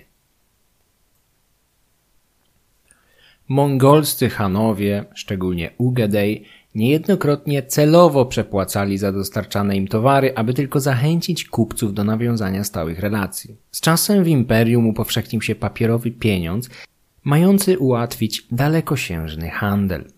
Już Czyngiz utworzył specjalny państwowy fundusz pożyczkowy, który udzielał kupcom kredytów kupieckich na zakup towarów.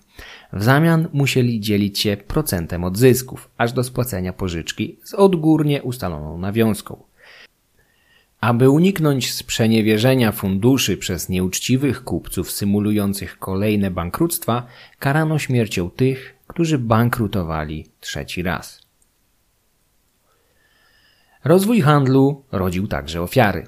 Rozciągając władzę na coraz to nowe, rozległe obszary Azji Centralnej, Mongołowie uświadomili sobie, że nie będą w stanie swoimi ograniczonymi siłami zdolni kontrolować wszystkich szlaków, a przez to pobór ceł trafiających do skarbu będzie mocno upośledzony. Z tego powodu, szczególnie w tym rejonie Azji, burzono całe miasta i osady leżące przy mniej uczęszczanych trasach kupieckich, a ich ludność deportowano w bardziej pożądane miejsca. Dla muzułmańskich kronikarzy tamtych czasów był to niejednokrotnie dowód na okrucieństwo i barbarzyńską bezmyślność. W rzeczywistości była to inżynieria społeczna zakrojona na olbrzymią, rzadko spotykaną skalę. Olbrzymie deportacje dotknęły setki tysięcy Azjatów, choć sama praktyka nie była mongolskim wynalazkiem. W przeszłości na mniejszą skalę uprawiali ten sam proceder Asyryjczycy, a potem Macedończycy Filipa II. Aleksander Wielki z kolei miał rzekomo planować wymieszanie ludów Azji i Europy, aby szybciej zniwelować różnice między odrębnymi narodami. W bliższych nam czasach podobna bezduszna polityka była domeną przede wszystkim radzieckich komunistów. Chorezm był państwem, przez które przebiegało wiele nitek tzw. Tak jedwabnego szlaku, prowadzących głównie ze wschodu na zachód, a w państwie Szacha można było znaleźć towary z Chin, Indii, Arabii, Afryki czy Rusi. Chingis Khan bardzo chętnie chciał się podłączyć do wymiany handlowej z Chorezmem. Zależało mu przynajmniej na początku na pokojowych, partnerskich relacjach. Nie dysponujemy żadnymi dowodami, a nawet poszlakami sugerującymi, że Wielki Han planował najechanie świata islamskiego. Był już po pięćdziesiątce i coraz rzadziej brał udział w wyprawach, często powierzając je nominalnie swoim synom, chociaż zazwyczaj prawdziwe decyzje podejmowali doświadczeni generałowie jak Subedej, Mukali czy Dżebe. W tym momencie warto zaznaczyć, że Chingis otwarcie zalecał swoim mniej doświadczonym synom poleganie na radach starszych, bardziej doświadczonych wodzów. Zakazywał im także karania ich śmiercią w wypadku, gdyby popełnili jakieś wykroczenie, bez wcześniejszego skonsultowania się z nim osobiście. Chingis zagwarantował sobie wyłączne prawo do bycia sądem ostatecznym dla tych ze swoich generałów, towarzyszy i podwładnych, których znał osobiście. Tych, których nie znał, można było zabić bez konsultacji z nim.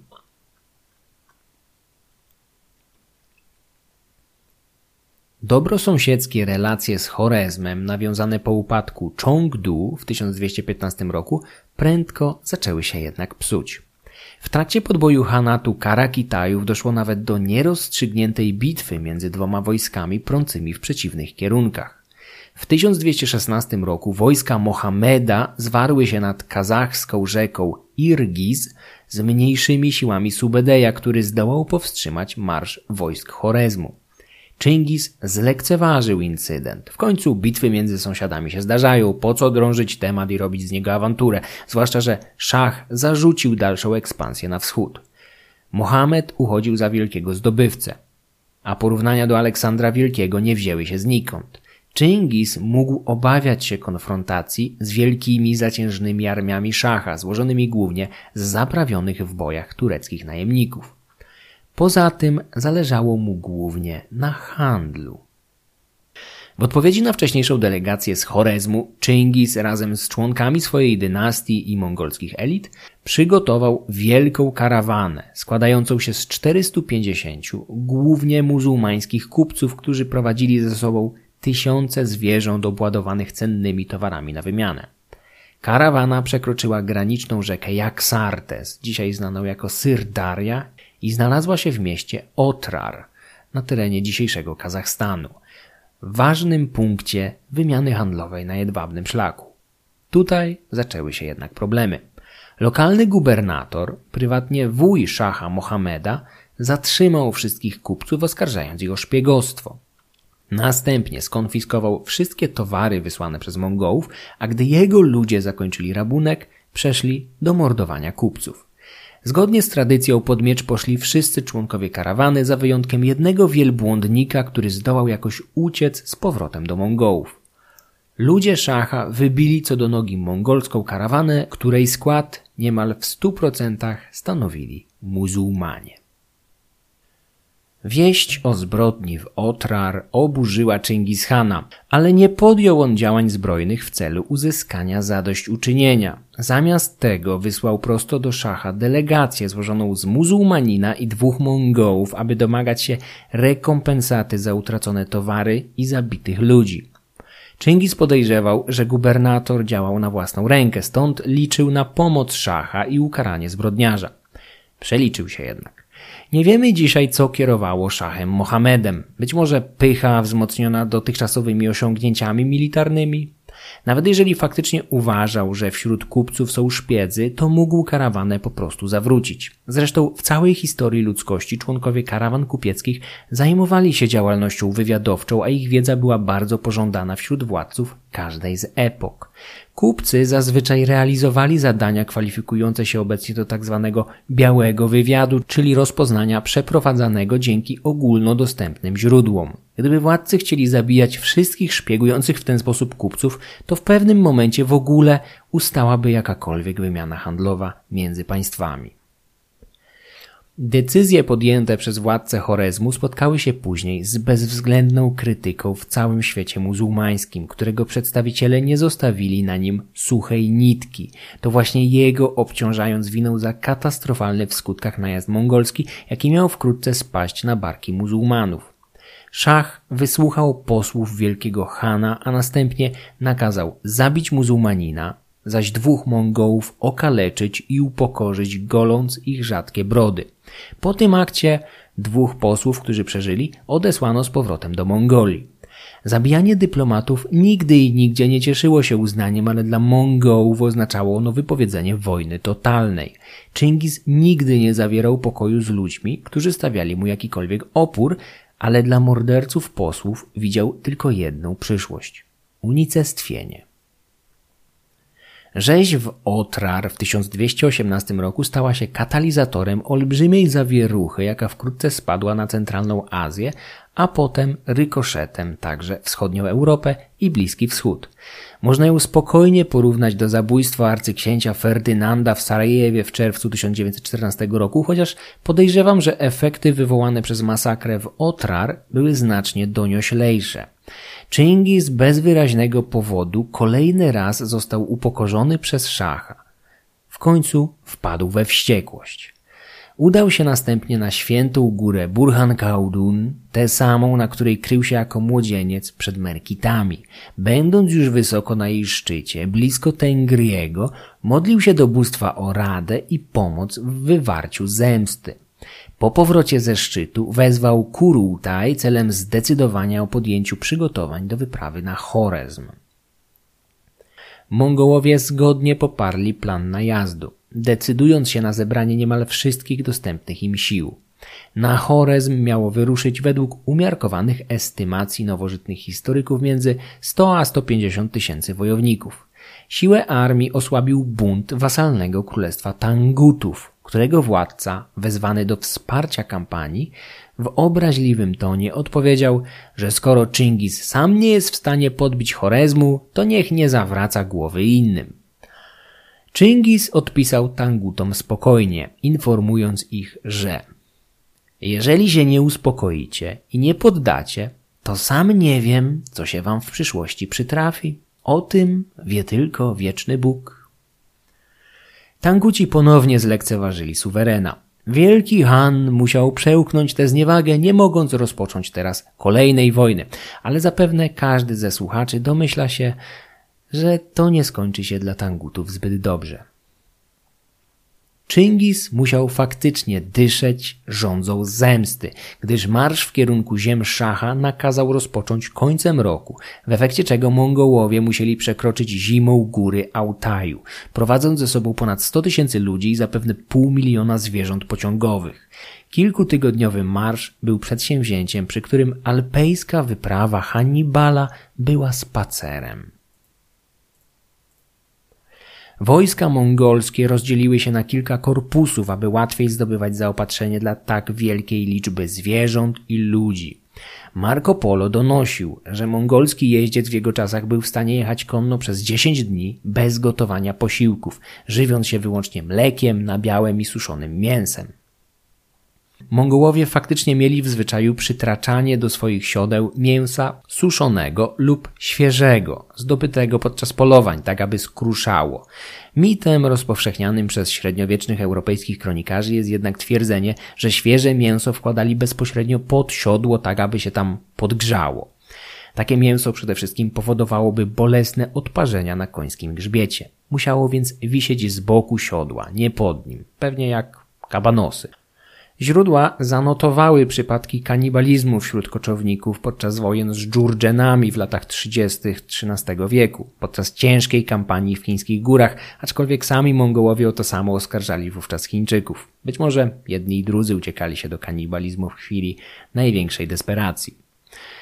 Tymczasem podczas przeprawy zimą 1218 i 19 roku najtrudniejszą drogę miał do pokonania korpus Dżebego, który zimą przekroczył przełęcze między masywami Pamiru i Tien Shan, wkraczając wczesną wiosną do doliny Fergany, tej samej, w której półtora tysiąca lat wcześniej Aleksander zakładał najdalej na wschód wysunięte posterunki swojego imperium.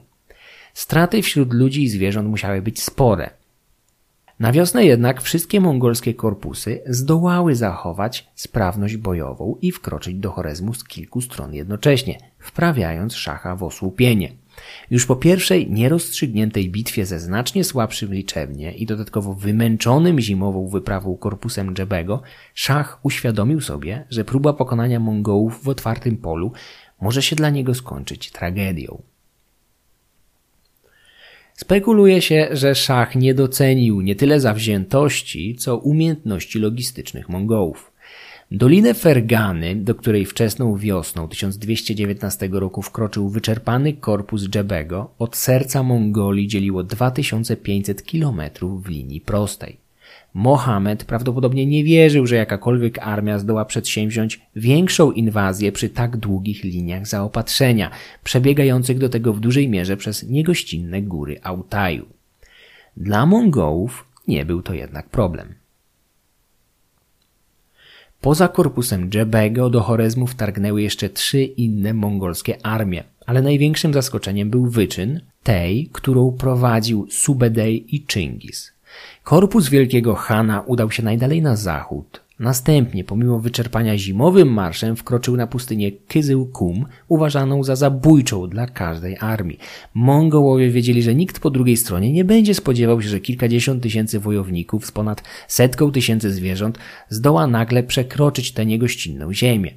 Czengisowi jednak udało się to i wkrótce jego wojsko wyrosło w samym sercu domen Szacha, idąc prosto na najbogatsze miasta regionu Bucharę i Samarkandę.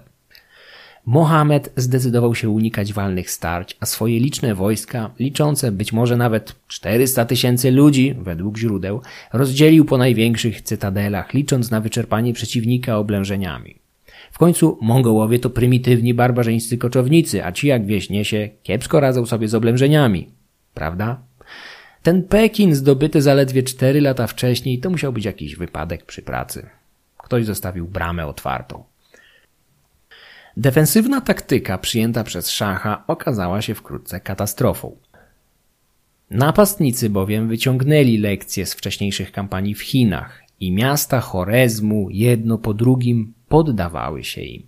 Zawsze przed rozpoczęciem oblężenia mongolscy heroldowie informowali mieszkańców, że w zamian za dobrowolne poddanie się panowaniu i opiece wielkiego Hana zostaną oszczędzeni. Jeżeli miasto otwierało swoje bramy, Chingis żądał na znak kapitulacji dostarczenia prowiantu dla jego ludzi i koni. Ten praktyczny, a zarazem i symboliczny gest stawiał poddających się w roli wasali.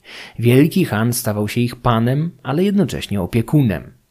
W początkowej fazie kampanii chorezmińskiej Mongołowie traktowali poddające się miasta bardzo łagodnie. Jednocześnie nie okazywali żadnej litości opornym. Umowy zawierane z poddającymi się miastami zazwyczaj były dotrzymywane. Zazwyczaj. Chorezm okazał się kolosem na glinianych nogach. Imperium Szacha co prawda było olbrzymie, podobnie jak jego wojska, ale państwo było miszmaszem różnych, często wrogo do siebie nastawionych narodów, plemion i religii. Siła szacha opierała się głównie na wojskach zaciężnych, znienawidzonych przez ludność uciskaną ciężkimi podatkami. Sytuacji nie poprawiały także otwarte konflikty w łonie dynastii panującej. Matka szacha, mająca olbrzymie wpływy w imperium, była otwarcie skonfliktowana ze swoim synem i to najprawdopodobniej ona wspierała gubernatora Otraru, swojego rodzonego brata, po krwawym incydencie. Szach nie mógł także liczyć na zdolnych i zaufanych dowódców. Za wyjątkiem swojego syna, Jalal al-Dina, który w walkach z Mongołami okazał się być sprawnym i wyjątkowo okrutnym wodzem. Imperium Chorezmu było tworem nowym, niedojrzałym, co najwyżej nastoletnim. Jeżeli do mongolskiej inwazji doszłoby kilka dekad później, wypadki mogłyby się potoczyć inaczej. Jeżeli. Tymczasem mongolski wywiad, zapewne jeden z najlepszych w swoich czasach, z wyprzedzeniem znał wszystkie bolączki swojego przeciwnika. Kolejne miasta Chorezmu padały, jedno po drugim, zazwyczaj po kilku dniach lub najwyżej tygodniach oblężenia. Przypadki, gdy walki o miasto ciągnęły się kilka miesięcy, były rzadkością. Los mieszkańców bywał różny. Ci z Buchary mogli mówić o dużym szczęściu. Większa część tureckiego garnizonu w mieście podjęła próbę ucieczki jeszcze przed rozpoczęciem walk o mury. Mongołowie tylko na to czekali, ich kawaleria bez problemu dogoniła uciekających, zabijając na miejscu każdego bez wyjątku. Zginąć mogło około 10 tysięcy żołnierzy. W cytadeli górującej nad miastem pozostało 500 najemników zdecydowanych walczyć do samego końca. Ludność cywilna, nie mając jednak innego wyjścia, otworzyła bramy i wpuściła Mongołów do środka.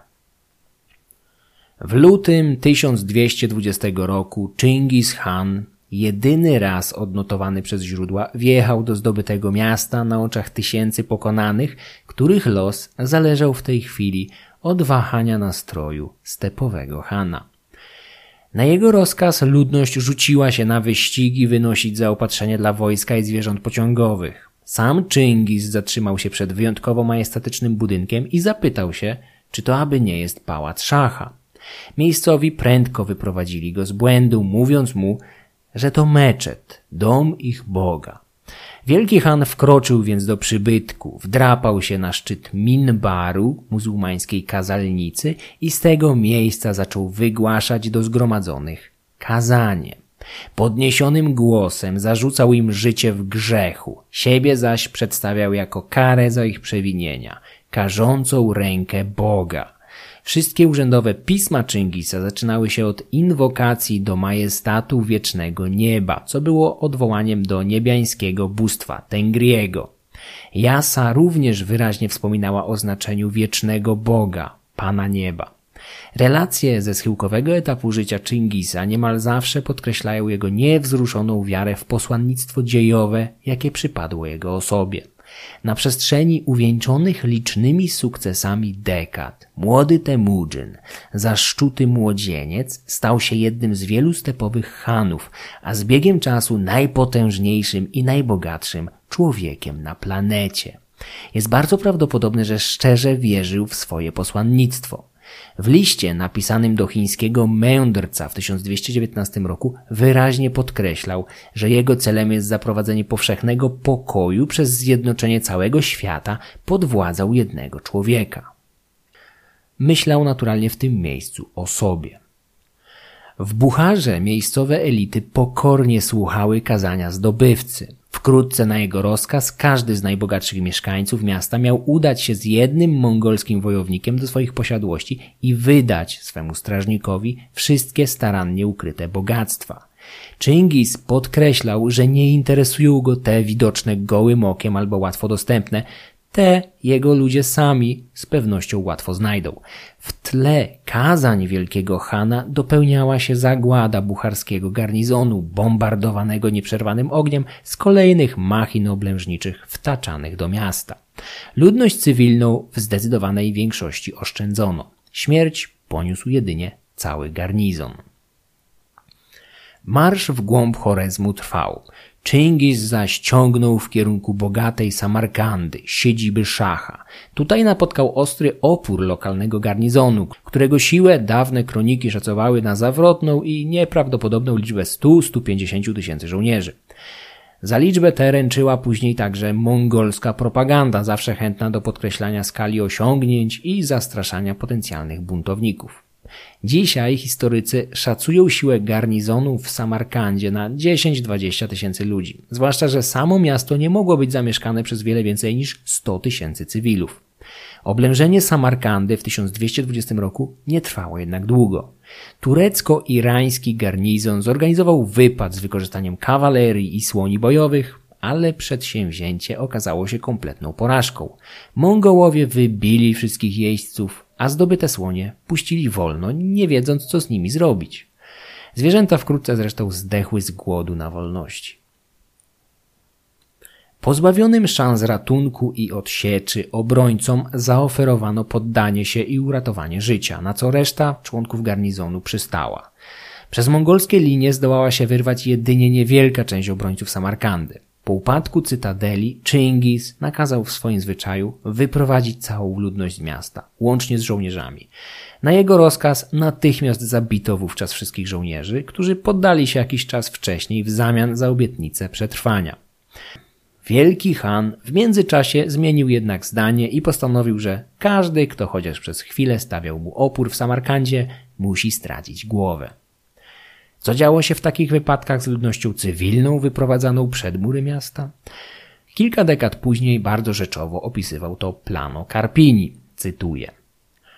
Tatarzy pytają się, kto z nich jest rzemieślnikiem i tych zostawiają, a innych, z wyjątkiem tych, których chcą mieć za niewolników, zabijają toporem. Przeznaczonych do zabicia rozdzielają między setnikami, ażeby ci ich zabili. Ci zaś następnie rozdzielają jeńców i dają każdemu niewolnikowi do zabicia dziesięciu ludzi lub więcej, albo mniej, zgodnie z tym, jak się podoba dowodzącym. Rashid el-Din, tworzący na dworze potomków Chingis Khana, skrupulatnie wyliczał mniej lub bardziej bezwzględne sposoby traktowania ludności cywilnej. Po upadku miasta Zarnuk nad Syrdarią, Chingis zadowolił się wzięciem w niewolę jedynie młodych ludzi, głównie mężczyzn, którzy stali się haszarem, tanią siłą roboczą i mięsem armatnim wykorzystywanym do zdobywania kolejnych miast. W mieście Nur z kolei Chingis zapytał jedynie, jaką daninę mieszkańcy płacili wcześniej szachowi. Gdy poznał już jej wysokość, zażądał podobnej sumy dla siebie, a gdy starszyzna z Nur spełniła jego życzenie, oszczędził miasto i poszedł dalej. Największy opór Mongołowie spotkali w Urgęczu. Miasto miało przypaść w udziale najstarszemu synowi, Chingisa, Jochiemu, którego pochodzenie było jednak mocno kontrowersyjne i często podważane przez młodszych braci, szczególnie Chagataja. Jochi starał się za wszelką cenę przekonać mieszkańców do poddania się, licząc na zachowanie bogatego i ludnego grodu dla siebie. Ci zaś razem z garnizonem podjęli jednak zawziętą kilkumiesięczną obronę, tocząc w pewnym momencie walki o każdy dom i ulicę. Położenie miasta w bagnistej delcie Amudari znacznie utrudniało przeprowadzenie szturmu. Do tego okolica była uboga w kamienie wykorzystywane normalnie przez machiny oblężnicze. Miasto zdobywano więc przy wielkich stratach po obu stronach. Pozostałe zabudowania, a szczególnie mury miejskie, zrównano z ziemią ku rozpaczy Jochiego i nieukrywanej radości Chagataja. Mongołowie wyselekcjonowali z ocalałej ciżby rzemieślników, młode kobiety i dzieci, które następnie pognali na północ. Całą resztę wymordowano na miejscu bez względu na płeć, wiek czy stan zdrowia. Liczby ofiar przytaczane przez muzułmańskiego kronikarza pomijam, ponieważ są one absurdalne. Jego zdaniem w Urgęczu Mongołowie mieliby zabić milion dwieście tysięcy ludzi, co z pewnością można włożyć między bajki. Ponure bajki. I bezpiecznie podzielić przez 5 albo nawet 10. Nawet taki wynik jest jednak przerażający, ale nie jest niczym niezwykłym.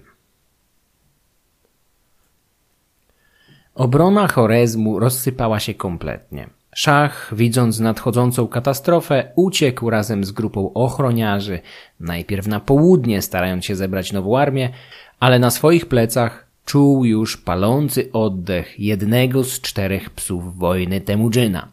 Subedej otrzymał od wielkiego Hana trzy tumeny i zadanie pojmania szacha żywego lub martwego za wszelką cenę. Generał miał nie wracać z powrotem do Puty, dopóki szach będzie wśród żywych. Dla Mongołów pełne zwycięstwo oznaczało wyłącznie kompletne fizyczne unicestwienie przeciwnika. Świat Muhammada II zawalił się niczym domek z kart w ciągu zaledwie kilkunastu miesięcy. Pokonany ostatecznie pod Hamadanem w 1220 roku, ścigany przez nieugiętego Subedeja, uciekał jak zaszczuta zwierzyna południowymi brzegami Morza Kaspijskiego. W końcu, gdy pościg zbliżał się nieubłaganie, szach wsiadł na łódź i ukrył się na którejś z wysepek na Morzu Kaspijskim.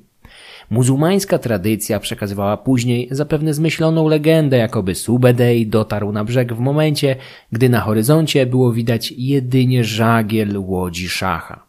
Muhammad nie cieszył się jednak długo wolnością. Zmarł wkrótce na zapalenie opłucnej w grudniu 1220 roku na jednej z kaspijskich wysepek. Niektórzy twierdzili, że zabił go szok i żałość z powodu utraty imperium budowanego przez dwie dekady. W swoim nieszczęściu przypomina on legendarnego Krezusa, który według Herodota, zmotywowany mglistą obietnicą wyroczni, miał porwać się na perskie imperium Cyrusa z opłakanymi skutkami. Chorezm rozsypał się pod mongolskim naporem w ciągu kilkunastu miesięcy. Subedej zawiódł tymczasem swojego Hana, nie zdołał pojmać szacha żywego, a wiadomość o jego śmierci dotarła do Mongołów dopiero jakiś czas później. Utalentowany generał prędko jednak otrzymał od wielkiego Hana szansę na odkupienie. W 1221 roku Subedej, dzieląc dowództwo z Dżebem, rozpoczął trwający trzy lata najbardziej spektakularny i brawurowy rajd kawaleryjski w historii. W mongolskiej tajnej historii poświęcono mu zaledwie jedno zdanie, sucho wyliczając litanie miast, jakie minęły po drodze siły specjalne Subedeja i Dżebego, kończąc tę listę na Kijowie. Po drodze Mongołowie pustoszyli tereny dzisiejszego północnego Iranu, Azerbejdżanu czy Gruzji, w której dwukrotnie rozbili w proch dwie kilkudziesięciotysięczne armie wystawione przez tamtejszego króla Jerzego. Potem pokonali przez przełęcz derbencką Kaukaz, naturalnie zimą, aby było trudniej. Następnie znaleźli się po raz pierwszy na północ od tego masywu górskiego, wkraczając do tej części Eurazji, którą zwiemy Europą. W ciężkich walkach, jakie Subedej i Dżebe stoczyli na północy Kaukazu, rozbili na prędce zorganizowaną, przeważającą koalicję Alanów i Połowców, a później w 1223 roku zabarwili krwią ruskich kniaziów nurty rzeki Kauki, jednocześnie nawiązując pierwsze dyplomatyczne kontakty z weneckimi kupcami na Krymie. Wyczerpane wojska Subedeja zdołały jeszcze szczęśliwie powrócić do Mongolii, po drodze zaliczając pierwszą i jedyną porażkę z rąk Bułgarów nadwołżańskich, którzy zdołali przegonić mongolski rekonesans ze swoich ziem. Pojmanych zaś mongolskich jeńców pogardliwie oddawali Czyngisowi, żądając w zamian jednej owcy za każdego z nich. Bułgarzy nadwołżańscy trafili bardzo szybko na wydłużającą się listę spraw do załatwienia. Tuż za Tangutami. W międzyczasie Mongołowie systematycznie kontynuowali podbój Chorezmu, dając się szczególnie we znaki lokalnej ludności. Czyngis niejednokrotnie hamował samowolę swoich dowódców, tak jak wtedy, gdy ukarał swojego zięcia Toguczara. Młodzieniec dowodził jednym z tłumenów ścigających szacha Mohameda, lecz podpadł teściowi niesubordynacją i złamaniem rozkazów. Subedej, Dżebe i Toguczar mieli ścigać szacha i unikać niepotrzebnych oblężeń. Czyngis nakazał im oszczędzać każde miasto, które podda się na ich drodze. Jedno z takich miast otworzyło bramy Dżebemu i wypłaciło żądany przezeń haracz. Tuż po tym, jak Dżebe opuścił osadę, pod jej bramami pojawił się jednak Toguczar, domagając się tego samego. Mieszkańcy odmówili, tłumacząc, że już zapłacili daninę Dżebemu. Toguczar jednak zignorował ich prośby. Miasto zdobyto, obrabowano i spalono. Ludność bezwzględnie wymordowano. Toguczar nie miał bowiem czasu na branie jeńców. W końcu brał udział w pościgu. Gdy Czyngis dowiedział się o wyczynie zięcia, wpadł w typową dla siebie wściekłość i nakazał go zabić. Po jakimś czasie jednak nieco ochłonął, a nie bez znaczenia były także prośby i błagania rodziny. Postanowił oszczędzić życie krnąbrnego Toguczara, ale natychmiast zdegradował go. Zięć wielkiego Hana z dowódcy dziesięciu tysięcy spadł do poziomu szeregowego wojownika zmuszonego do walki na pierwszej linii razem z prostymi pasterzami. Podczas walk pod murami zbuntowanego Nishapuru jakaś zabłąkana strzała, wystrzelona z murów przez jednego z obrońców, śmiertelnie ugodziła w szyję Toguczara, który zginął na miejscu. Pozostawił po sobie owdowiałą żonę, córkę Chingis Hana. Kobieta była wówczas w ciąży, ale towarzyszyła mężowi podczas wyprawy. Członkowie dynastii panującej i najwyżsi dowódcy często zabierali ze sobą na kampanię małżonki. Gdy w kwietniu 1221 roku Nishapur wreszcie padł, Chingis pozwolił wdowie swobodnie zadecydować o losach całego miasta, tak aby ukoić jej gniew.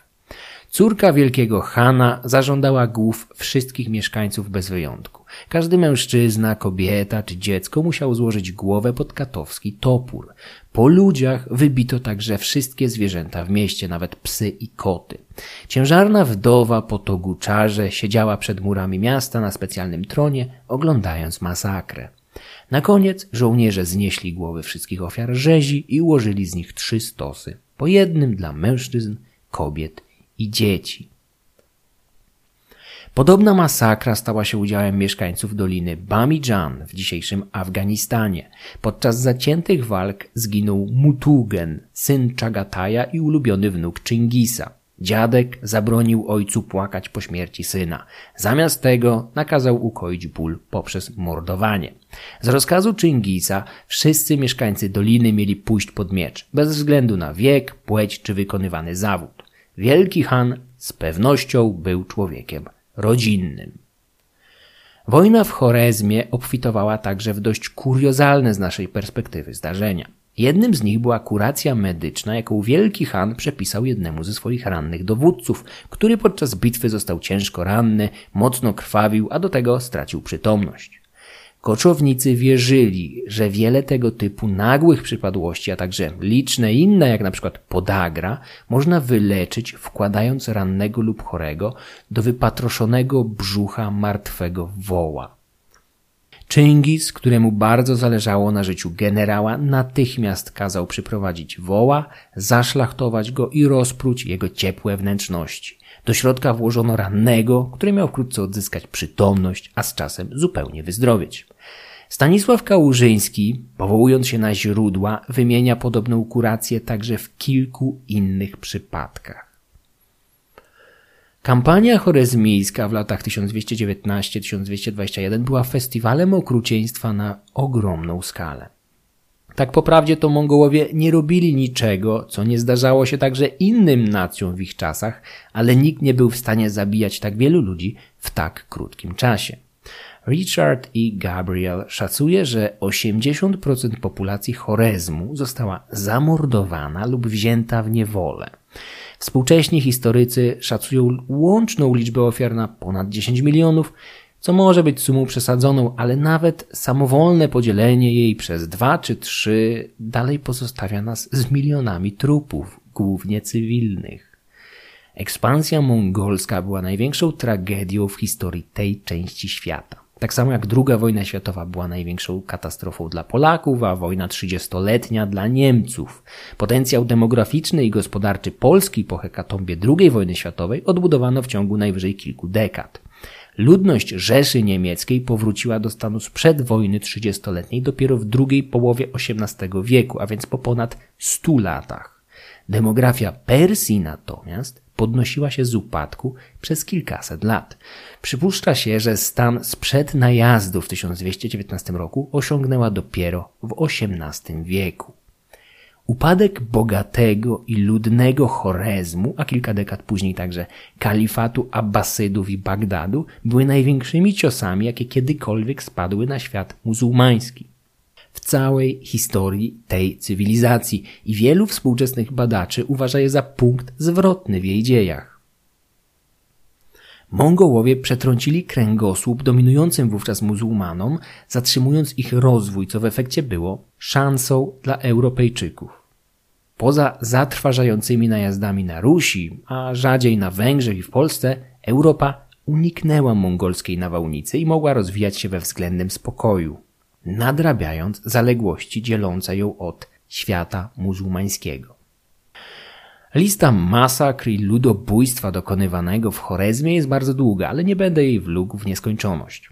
Mongolskie podejście do pokonanych najlepiej podsumowuje Stanisław Kałużyński. Cytuję. Wojny prowadzone przez Mongołów w krajach rolniczych, gęsto zaludnionych i posiadających liczne miasta były znacznie okrutniejsze niż walki na stepach. Tam przeważająca większość podbijanych ludów zachowywała życie, rodziny i dobytek, a często nawet nie zmieniała swych dotychczasowych przywódców. Wyludniony step nie miał dla zdobywców większego znaczenia, natomiast potrzebni im byli ludzie, którzy jako doskonali stepowi wojownicy zasilali wojska Chingis Khana powodując, że w miarę podbojów jego Hanat stawał się coraz potężniejszy. Nie zdawała się do tych celów ludność osiadła. Jedynym wyjątkiem byli rzemieślnicy, których Mongołowie cenili i uprowadzali do swych siedzib. Reszta mogła co najwyżej służyć jako żywe tarany przy zdobywaniu twierdz. Wielkie masy ludności pozostawione na tyłach mogły stanowić poważne zagrożenie dla oddziałów mongolskich, a przynajmniej narazić je na nowe bitwy i dalsze straty. Eksterminacja większych skupisk ludzkich miała temu przeciwdziałać, a zarazem paraliżować wszelkie odruchy buntu. Koniec cytatu.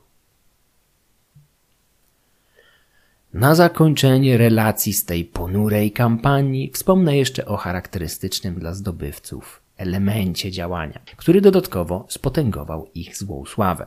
Chodzi tutaj o stosunek do pokonanych elit. Wśród chrześcijan czy muzułmanów zwykło się zazwyczaj oszczędzać tak zwanych szlachetnie urodzonych. Pod miecz natomiast szło pospólstwo i zwykli żołnierze. Mongołowie nic nie robili sobie ze statusu jeńców, czego najlepszym przykładem jest los matki szacha Mohammeda. Starsza kobieta wpadła w końcu w ręce koczowników razem z rodziną i liczną służbą. Jeszcze podczas pojmania Mongołowie zamordowali niemal wszystkich służących i dużą część rodziny kobiety, ją samą oszczędzając. Została wywieziona na wschód do Mongolii, gdzie stała się zwykłą służącą w jednym z dworów lokalnej elity, swego rodzaju ciekawostką, którą można było pokazać gościom, niczym egzotyczne zwierzę. Kilka lat później słuch o niej zaginął. Zapewne dokonała życia w służbie nowym panom. Najazd mongolski dla członków elit Chin, Rusi, Persji czy kalifatu Abbasydów był czymś z pogranicza inwazji kosmitów. Czytając o podejściu Chingis Hana wobec elit podbijanych krajów, przyszło mi do głowy, że jeżeli kiedyś naprawdę urzeczywistni się scenariusz któregoś z licznych hollywoodzkich filmów science fiction opowiadających o inwazji kosmitów, to ich podejście z pewną dozą prawdopodobieństwa będzie wyglądało właśnie w ten sposób. Dla przybyszów z Marsa to czy jakiś książę Harry czy inna Meghan jest piątym, siódmym czy dwudziestym piątym w kolejności pretendentem do korony brytyjskiej będzie znaczyło mniej aniżeli umiejętności ich hydraulika, lekarza rodzinnego czy ogrodnika.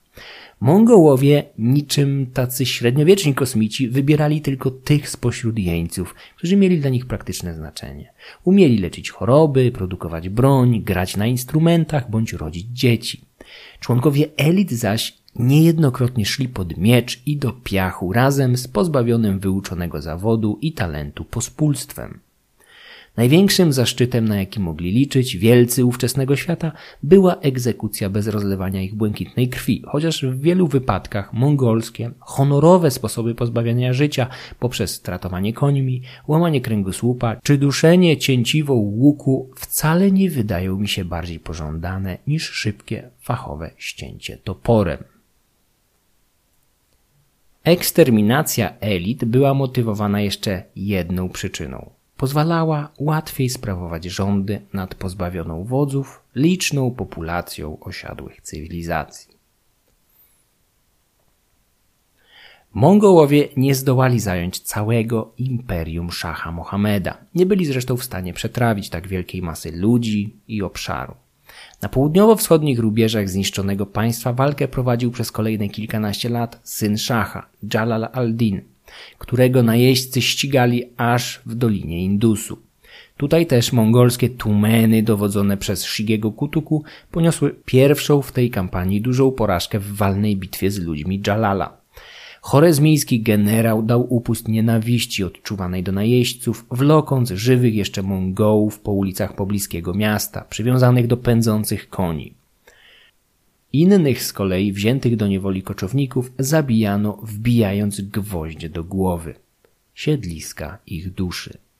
Pod tym względem praktyki zadawania śmierci różniły się w zależności od kultury. Masowe zabijanie podczas mongolskiej inwazji przebiegało metodycznie, według planu i bez niepotrzebnego okrucieństwa. Bliżej było mu do beznamiętnego, przemysłowego ludobójstwa wdrażanego w niemieckich obozach zagłady czy komunistycznych łagrach lub na kambodżańskich polach śmierci. Dolina Indusu stanowiła kres ambicji Chingis Hana. Zamierzał co prawda zająć północne Indie, kierując się ciągle na wschód, następnie zaatakować południowe Chiny dynastii Sung i w ten sposób powrócić do domu, ale prędko okazało się, że ten ambitny plan jest niewykonalny. Mongołowie co prawda wkroczyli do Indii na czele kilkudziesięciotysięcznej armii, ale prędko musieli zawrócić. Gorący, wilgotny klimat okazał się zabójczy dla wychowanych na stepie wojowników narzekających teraz na nieznane choroby dziesiątkujące całe oddziały. Wilgotność powietrza miała nawet źle oddziaływać na cięciwy łuków, odbierając im część skuteczności. Wielki Han zarządził odwrót i powoli udał się do ojczyzny. Podbój Chorezmu nie był jednak ostatnią jego kampanią. W sercu bowiem od dawna kiełkowała mu chęć zemsty na bezczelnych tangutach, którzy odmówili mu pomocy w podboju Persji. Zanim jednak Chingis mógł wywrzeć zemstę na krnąbrnych wasalach, musiał rozwiązać problemy wewnętrzne, szczególnie te w łonie własnej rodziny. Jeszcze przed wyprawą przeciwko szachowi jedna z żon Chingisa, Jesuj, zasugerowała mu, że powinien z racji zaawansowanego wieku wyznaczyć swojego następcę. Wielki Han zwołał więc Kurutaj, w którym wzięli udział jego czterej synowie i kilku najbardziej zaufanych towarzyszy. W trakcie rozmów doszło do karczemnej awantury między najstarszym Jochim, a drugim w kolejności Chagatajem. Drugi syn Chingisa, słynący z konfliktowego i nieposkromionego charakteru, Chagataj otwarcie nazywał Jochiego bękartem i synem jakiegoś podłego Merkity. Wielu Mongołów w ciszy zgadzało się z tymi zarzutami.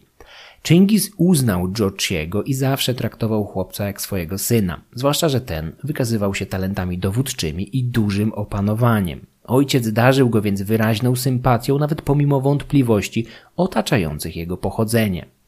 Tajna historia zachowała część dialogu i argumentów, jakimi wielki Han starał się uspokoić wybuchowego Czagataja, tłumacząc mu, że nie jest winą jego matki Borte, że uprowadzili ją Merkici. W końcu nie poszła do nich z miłości, lecz z przymusu. Tamte czasy były pełne chaosu i wzajemnych najazdów. Ostatecznie podczas Kurultaju zdecydowano, że każdy z czterech synów Borte otrzyma swoją dzielnicę, czyli Uus, ale władzę zwierzchnią nad wszystkimi obejmie trzeci w kolejności Ugedej, znany z łagodnej i dość przystępnej jak na Mongoła powierzchowności. Ugedej był efektem kompromisu. Najstarszy Jochi, pomimo swych talentów, nie cieszył się szacunkiem braci. Charakter drugiego, Chagataja, był tak problematyczny, że Chingis oficjalnie musiał przydzielać mu doradców temperujących agresywne zapędy syna. Toui z kolei najwyraźniej był zbyt łagodny i nie stanowił dobrego materiału na wielkiego Hana, pana największego imperium w Eurazji. Ugedej też niestety miał swoje wady. Największą z nich zaś była najczęstsza spośród chorób trapiących mongolskie elity alkoholizm. Rashid ed-Din podaje, że Chingis był za życia, zwłaszcza u jego schyłku, wielkim zwolennikiem abstynencji od napojów alkoholowych. Kronikarz zanotował jego przestrogi kierowane do podatnych na zdradliwy nauk rodaków. Ich fragment Cytuję teraz. Władca, który ma skłonność do wina i wódki, nie jest w stanie rozstrzygać poważnych spraw i wydawać rozumnych sądów. Emir, który ma skłonność do wódki i wina, nie jest w stanie utrzymać w porządku ani tysiąca ludzi, ani setki, ani dziesiątka. Ludzie prości, mający skłonność do napojów alkoholowych, przepijają całkowicie konia, stado i wszystko, co mają i stają się nędzarzami. Te napoje jednakowo ogłupiają i dobrych, i złych. Ogłupiają ręce, nogi, serce. Ogłupiają wszystkie uczucia i organy myślenia. Jeżeli już naprawdę nie ma sposobu przeciw piciu, to człowiek powinien się napić trzykrotnie w miesiącu. A jeżeli w ogóle nie będzie pił, to czy może być coś lepszego? Ale gdzie można znaleźć takiego człowieka, który by w ogóle nie pił? Koniec cytatu. Pomimo przestróg ojca, Ugedej po jego śmierci pogrążył się w nałogu i umarł z powodu przewlekłego alkoholizmu. Nadużywanie trunków stało też najprawdopodobniej za przedwczesną śmiercią Tołuja, około czterdziestki. Alkoholizm był prawdziwym przekleństwem wśród mongolskich mężczyzn, szczególnie członków elity. Chingis Khan w ostatnich latach życia dał się poznać jako oszczędny, gospodarny i powściągliwy w życiu prywatnym człowiek, niemal asceta. Coraz dotkliwiej odczuwając starość, zaczął podejmować starania celem przedłużenia życia, być może nawet osiągnięcia nieśmiertelności. Nawiązał korespondencyjny najpierw kontakt z taoistycznym mnichem Ciao Chu Chi, o którego nieprzeciętnej mądrości krążyły legendy już za jego życia.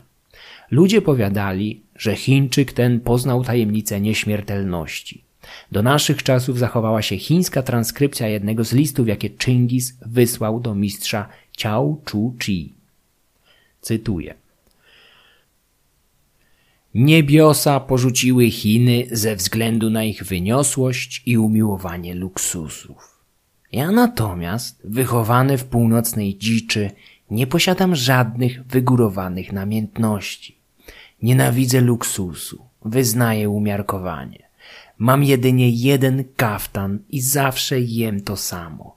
Moje odzienie i codzienne posiłki niczym nie różnią się od tych, którymi cieszą się moi prości pasterze.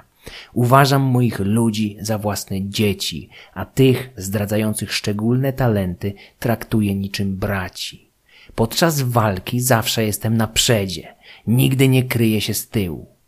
W ciągu siedmiu lat dokonałem nieprawdopodobnego dzieła, jednocząc cały świat w jednym imperium. Nie posiadam żadnych wybitnych zdolności.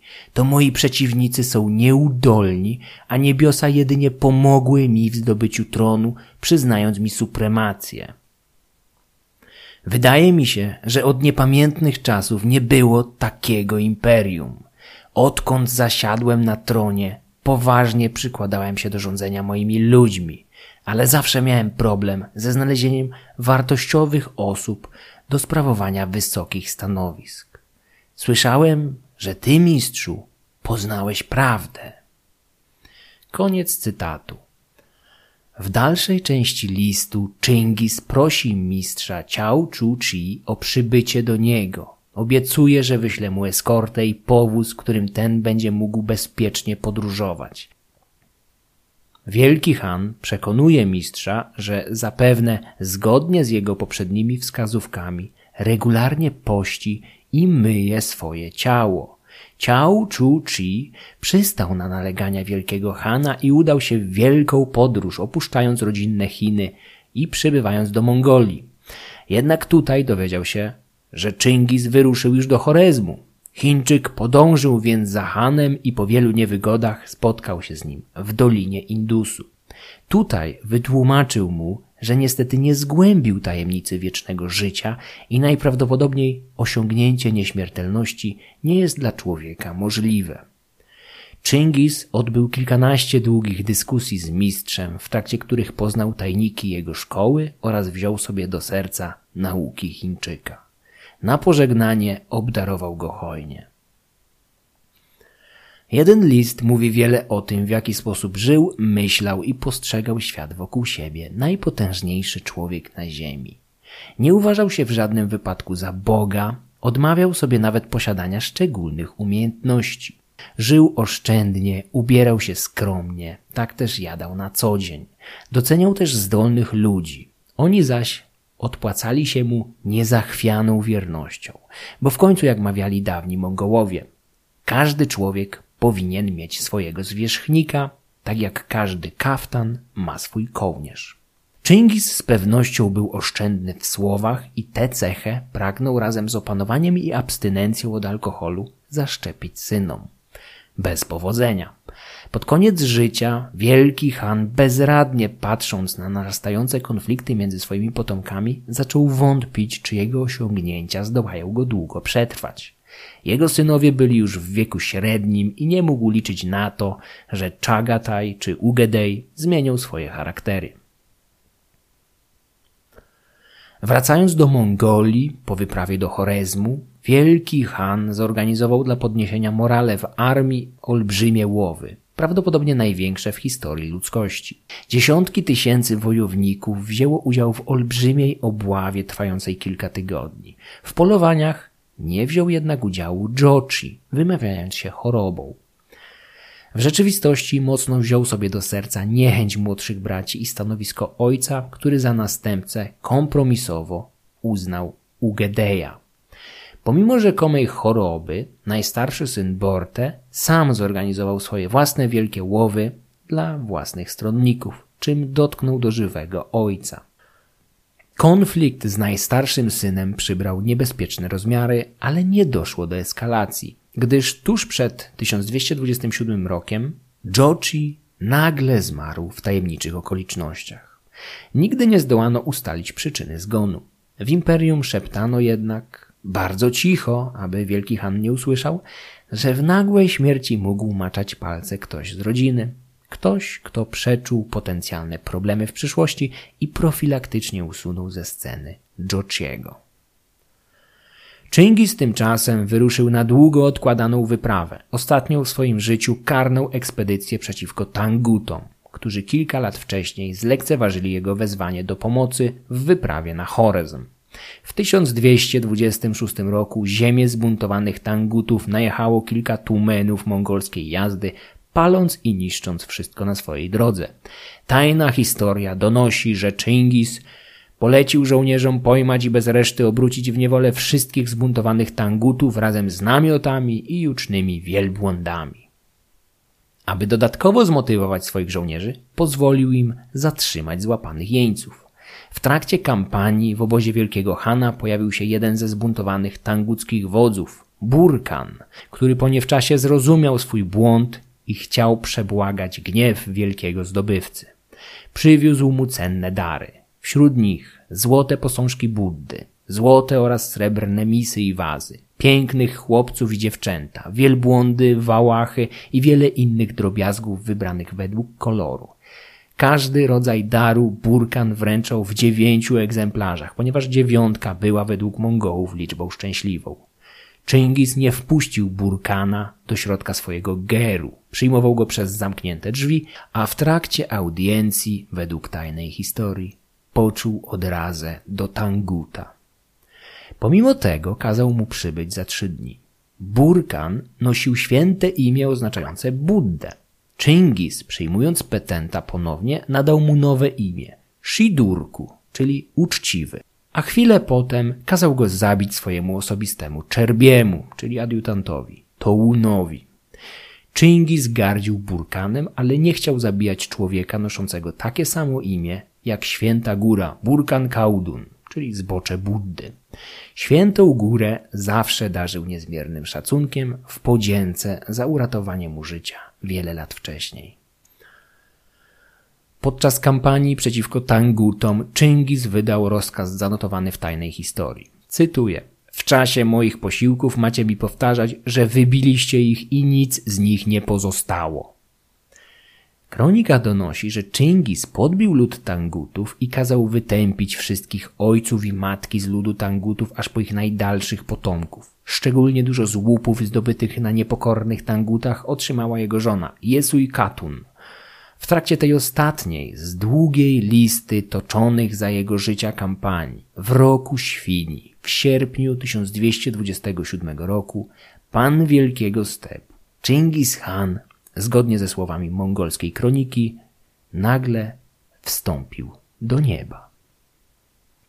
Muzułmańscy dziejopisowie również odnotowali to zdarzenie, ale byli przekonani, że Denat poszedł w innym kierunku, prosto do piekła. Prawdopodobnie miał 65 lat. Tajna historia przemilcza przyczyny zgonu. Dzisiaj dysponujemy jednak kilkoma wersjami. Zacznę od tych najmniej prawdopodobnych. Mongolski folklor przypisywał zgon wielkiego Hana podstępowi. Pojmana podczas ostatniej kampanii tangucka księżniczka Gurbelji miała przed spędzeniem nocy z wielkim zdobywcą nasmarować swoją pochwę trucizną, która w wiadomy sposób przedostała się później do organizmu mężczyzny, zabijając go wkrótce potem. Kilka dekad później europejscy podróżnicy zanotowali odmienne wersje. Plano Carpini dowiedział się, że Czyngisa zabił piorun, zaś Marco Polo utrzymywał, że winę ponosiła strzała, która trafiła wielkiego Hana podczas oblężenia jednej z tanguckich fortec w kolano. Rana nie chciała się goić, a on sam zmarł na skutek powikłań lub zakażenia. Najprawdopodobniejsza przyczyna zgonu jest jednak inna. Tajna historia notuje, że jeszcze podczas kampanii przeciwko Tangutom Chingis jadąc w swoim orszaku dostrzegł stado dzikich osłów, kułanów i jak przystało na krewkiego Mongoła zarządził polowanie. W jego trakcie wierzchowiec, którego dosiadał, przestraszył się pędzących w jego stronę dzikich osłów, stanął dęba i zrzucił jeźdźca. Liczący już grubo ponad 60 lat Chingis miał spaść na ziemię i mocno się poturbować. Tak bardzo, że wymagał pomocy członków swojej świty, aby wstać. Upadek spowodował zapewne poważne obrażenia wewnętrzne i wielki Han nigdy już nie wrócił do pełnej sprawności. Pomimo próśb żony nie wrócił do ojczyzny, zamiast tego kontynuował kampanię pacyfikacyjną. Tajna historia nie łączy wprost incydentu sferalnego polowania ze zgonem, do którego doszło kilka miesięcy później, ale jest to najprawdopodobniejsze wytłumaczenie przyczyny jego śmierci. Ciało zmarłego starannie obmyto, a następnie ubrano w skromną, śnieżno-białą szatę, czapkę i proste buty z wojołoku. Tak przygotowane zwłoki zawinięto następnie w koc z białego wojłoku obwiązany trzema złotymi pasami. Do środka tej prostej trumny dosypano drewna sandałowego dla odstraszenia owadów i zapewnienia przyjemnej woni. Zmarłego złożono na prostym drewnianym wozie, który wyruszył trzeciego dnia po zgonie, na północ, do Mongolii. Za marami szła kobieta szamanka prowadząca wierzchowca na luźnej wodzy z pustym siodłem. Nad zwłokami powiewał sztandar duchowy zmarłego, buńczuk z dziewięcioma kitami z białego włosia jaka lub konia.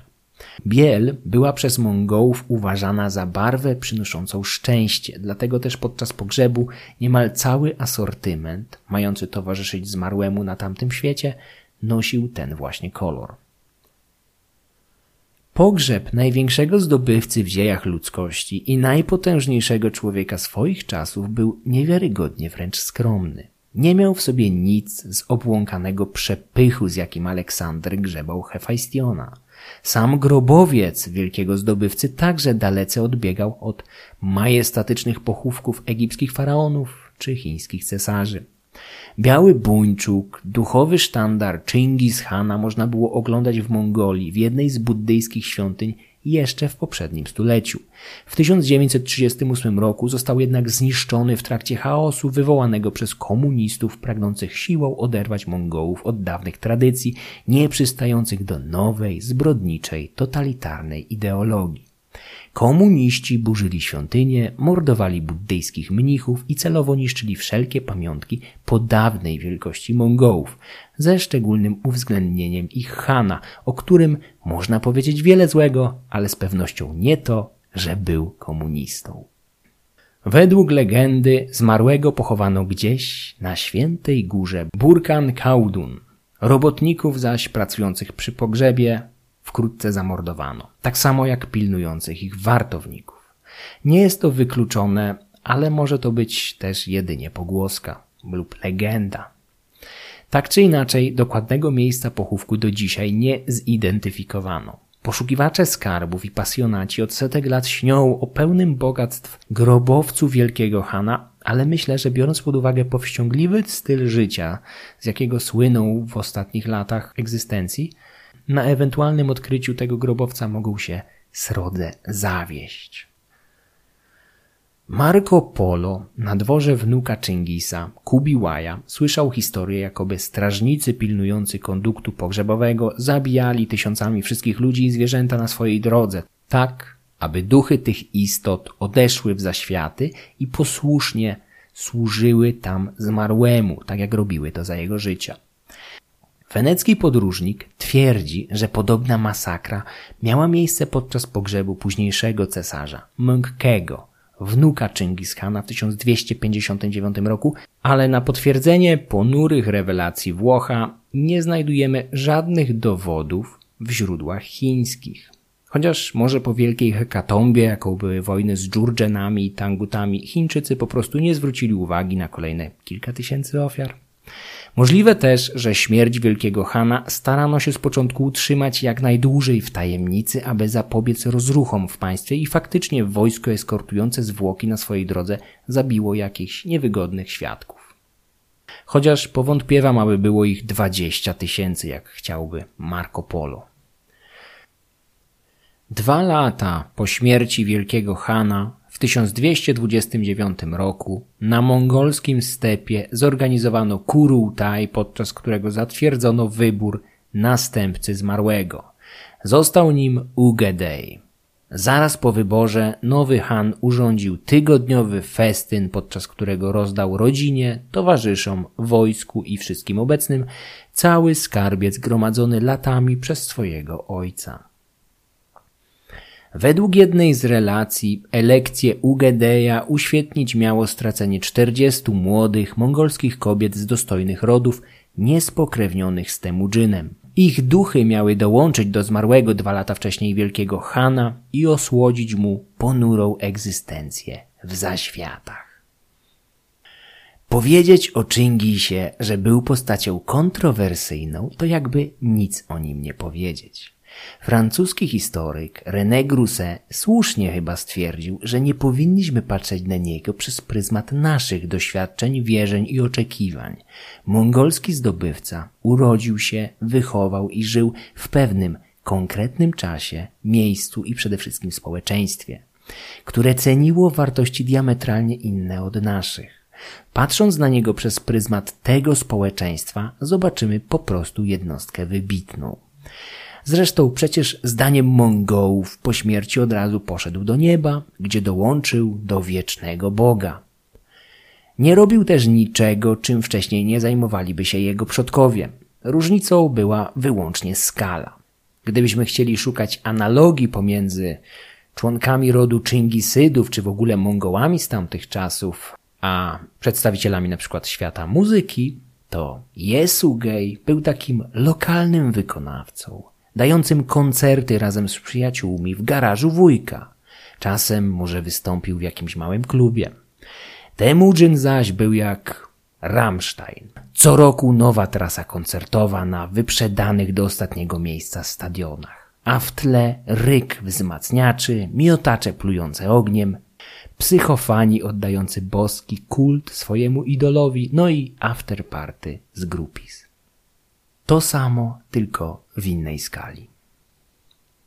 Życie Temudżyna moim zdaniem najlepiej można wytłumaczyć poprzez myśl wyrażoną kiedyś przez rosyjskiego fizyka jądrowego, zesłańca i laureata pokojowej Nagrody Nobla, Andrieja Sacharowa. Rosjanin został kiedyś zapytany przez innego fizyka, Borisa Bierjezowskiego, tak mam na myśli tego oligarchę, o sens ludzkiego życia. Sacharow bez wahania odpowiedział, że, cytuję, Sensem życia jest ekspansja. W momencie, w którym zaczyna się rozmnażanie, mówię o popędzie seksualnym, w jakimś sensie zaczyna się ekspansja. Replikujesz samego siebie. Podobnie jest z religią czy filozofią. to też jest ekspansja. Koniec cytatu. Chingis Khan był ucieleśnieniem takiej pierwotnej, nieokiełznanej ekspansji, pozbawionej pretensjonalnych, intelektualnych przybudówek. Był ekspansją na dwóch nogach. Być może w sierpniu 1227 roku w dalekiej Azji umierał najbardziej spełniony człowiek w dziejach świata? W końcu o jego podbojach do dzisiaj pamięta cały świat, a jego linia biologiczna trwa nieprzerwanie od ośmiu stuleci. Czegoż więcej może pragnąć człowiek? Na zakończenie, zamiast epitafium, przytoczę fragment rozmowy, jaką Chingis Khan miał rzekomo odbyć z pewnym przebywającym na jego dworze muzułmańskim imamem jeszcze w Chorezmie. Kiedy umrę, zostawię światu pamięć mojego sławnego imienia. Miał pewnego dnia oświadczyć imamowi Chingis. Duchowny zastanowił się przez moment, po czym z wahaniem odpowiedział, że wielki Han zabił i ciągle pozbawia życia tak wielu ludzi, że być może wkrótce na świecie nie zostanie nikt, kto by go zapamiętał. Władca na tę nieoczekiwaną odpowiedź zasępił czoło i prędko odgryzł się imamowi. Cytuję. Jak widzę, nie potrafisz pojąć wszystkiego i masz ograniczoną zdolność rozumowania. Na świecie jest wielu królów, w innych częściach świata jest wiele ludów, wielu władców i jeszcze więcej królestw. Oni z pewnością przeżyją i opowiedzą moją historię. Treść przygotował i przeczytał Michał Kuźniar. Jeżeli spodobał się Wam ten odcinek, możecie rozważyć dobrowolne wsparcie podcastu Mroczne Wieki. Cyklicznie poprzez Patronite lub jednorazowo w postaci wirtualnej kawy na Buy Coffee. Linki znajdują się w opisie odcinka. Serdecznie dziękuję wszystkim patronom, a szczególnie Rafałowi, Krzysztofowi, dwóm Tomaszom i obu Oskarom. Filmy będące ekranizacją audycji można oglądać i komentować na YouTube, do czego wszystkich serdecznie zachęcam. Wszystkie wykorzystane źródła znajdziecie w opisie odcinka oraz na końcu filmu.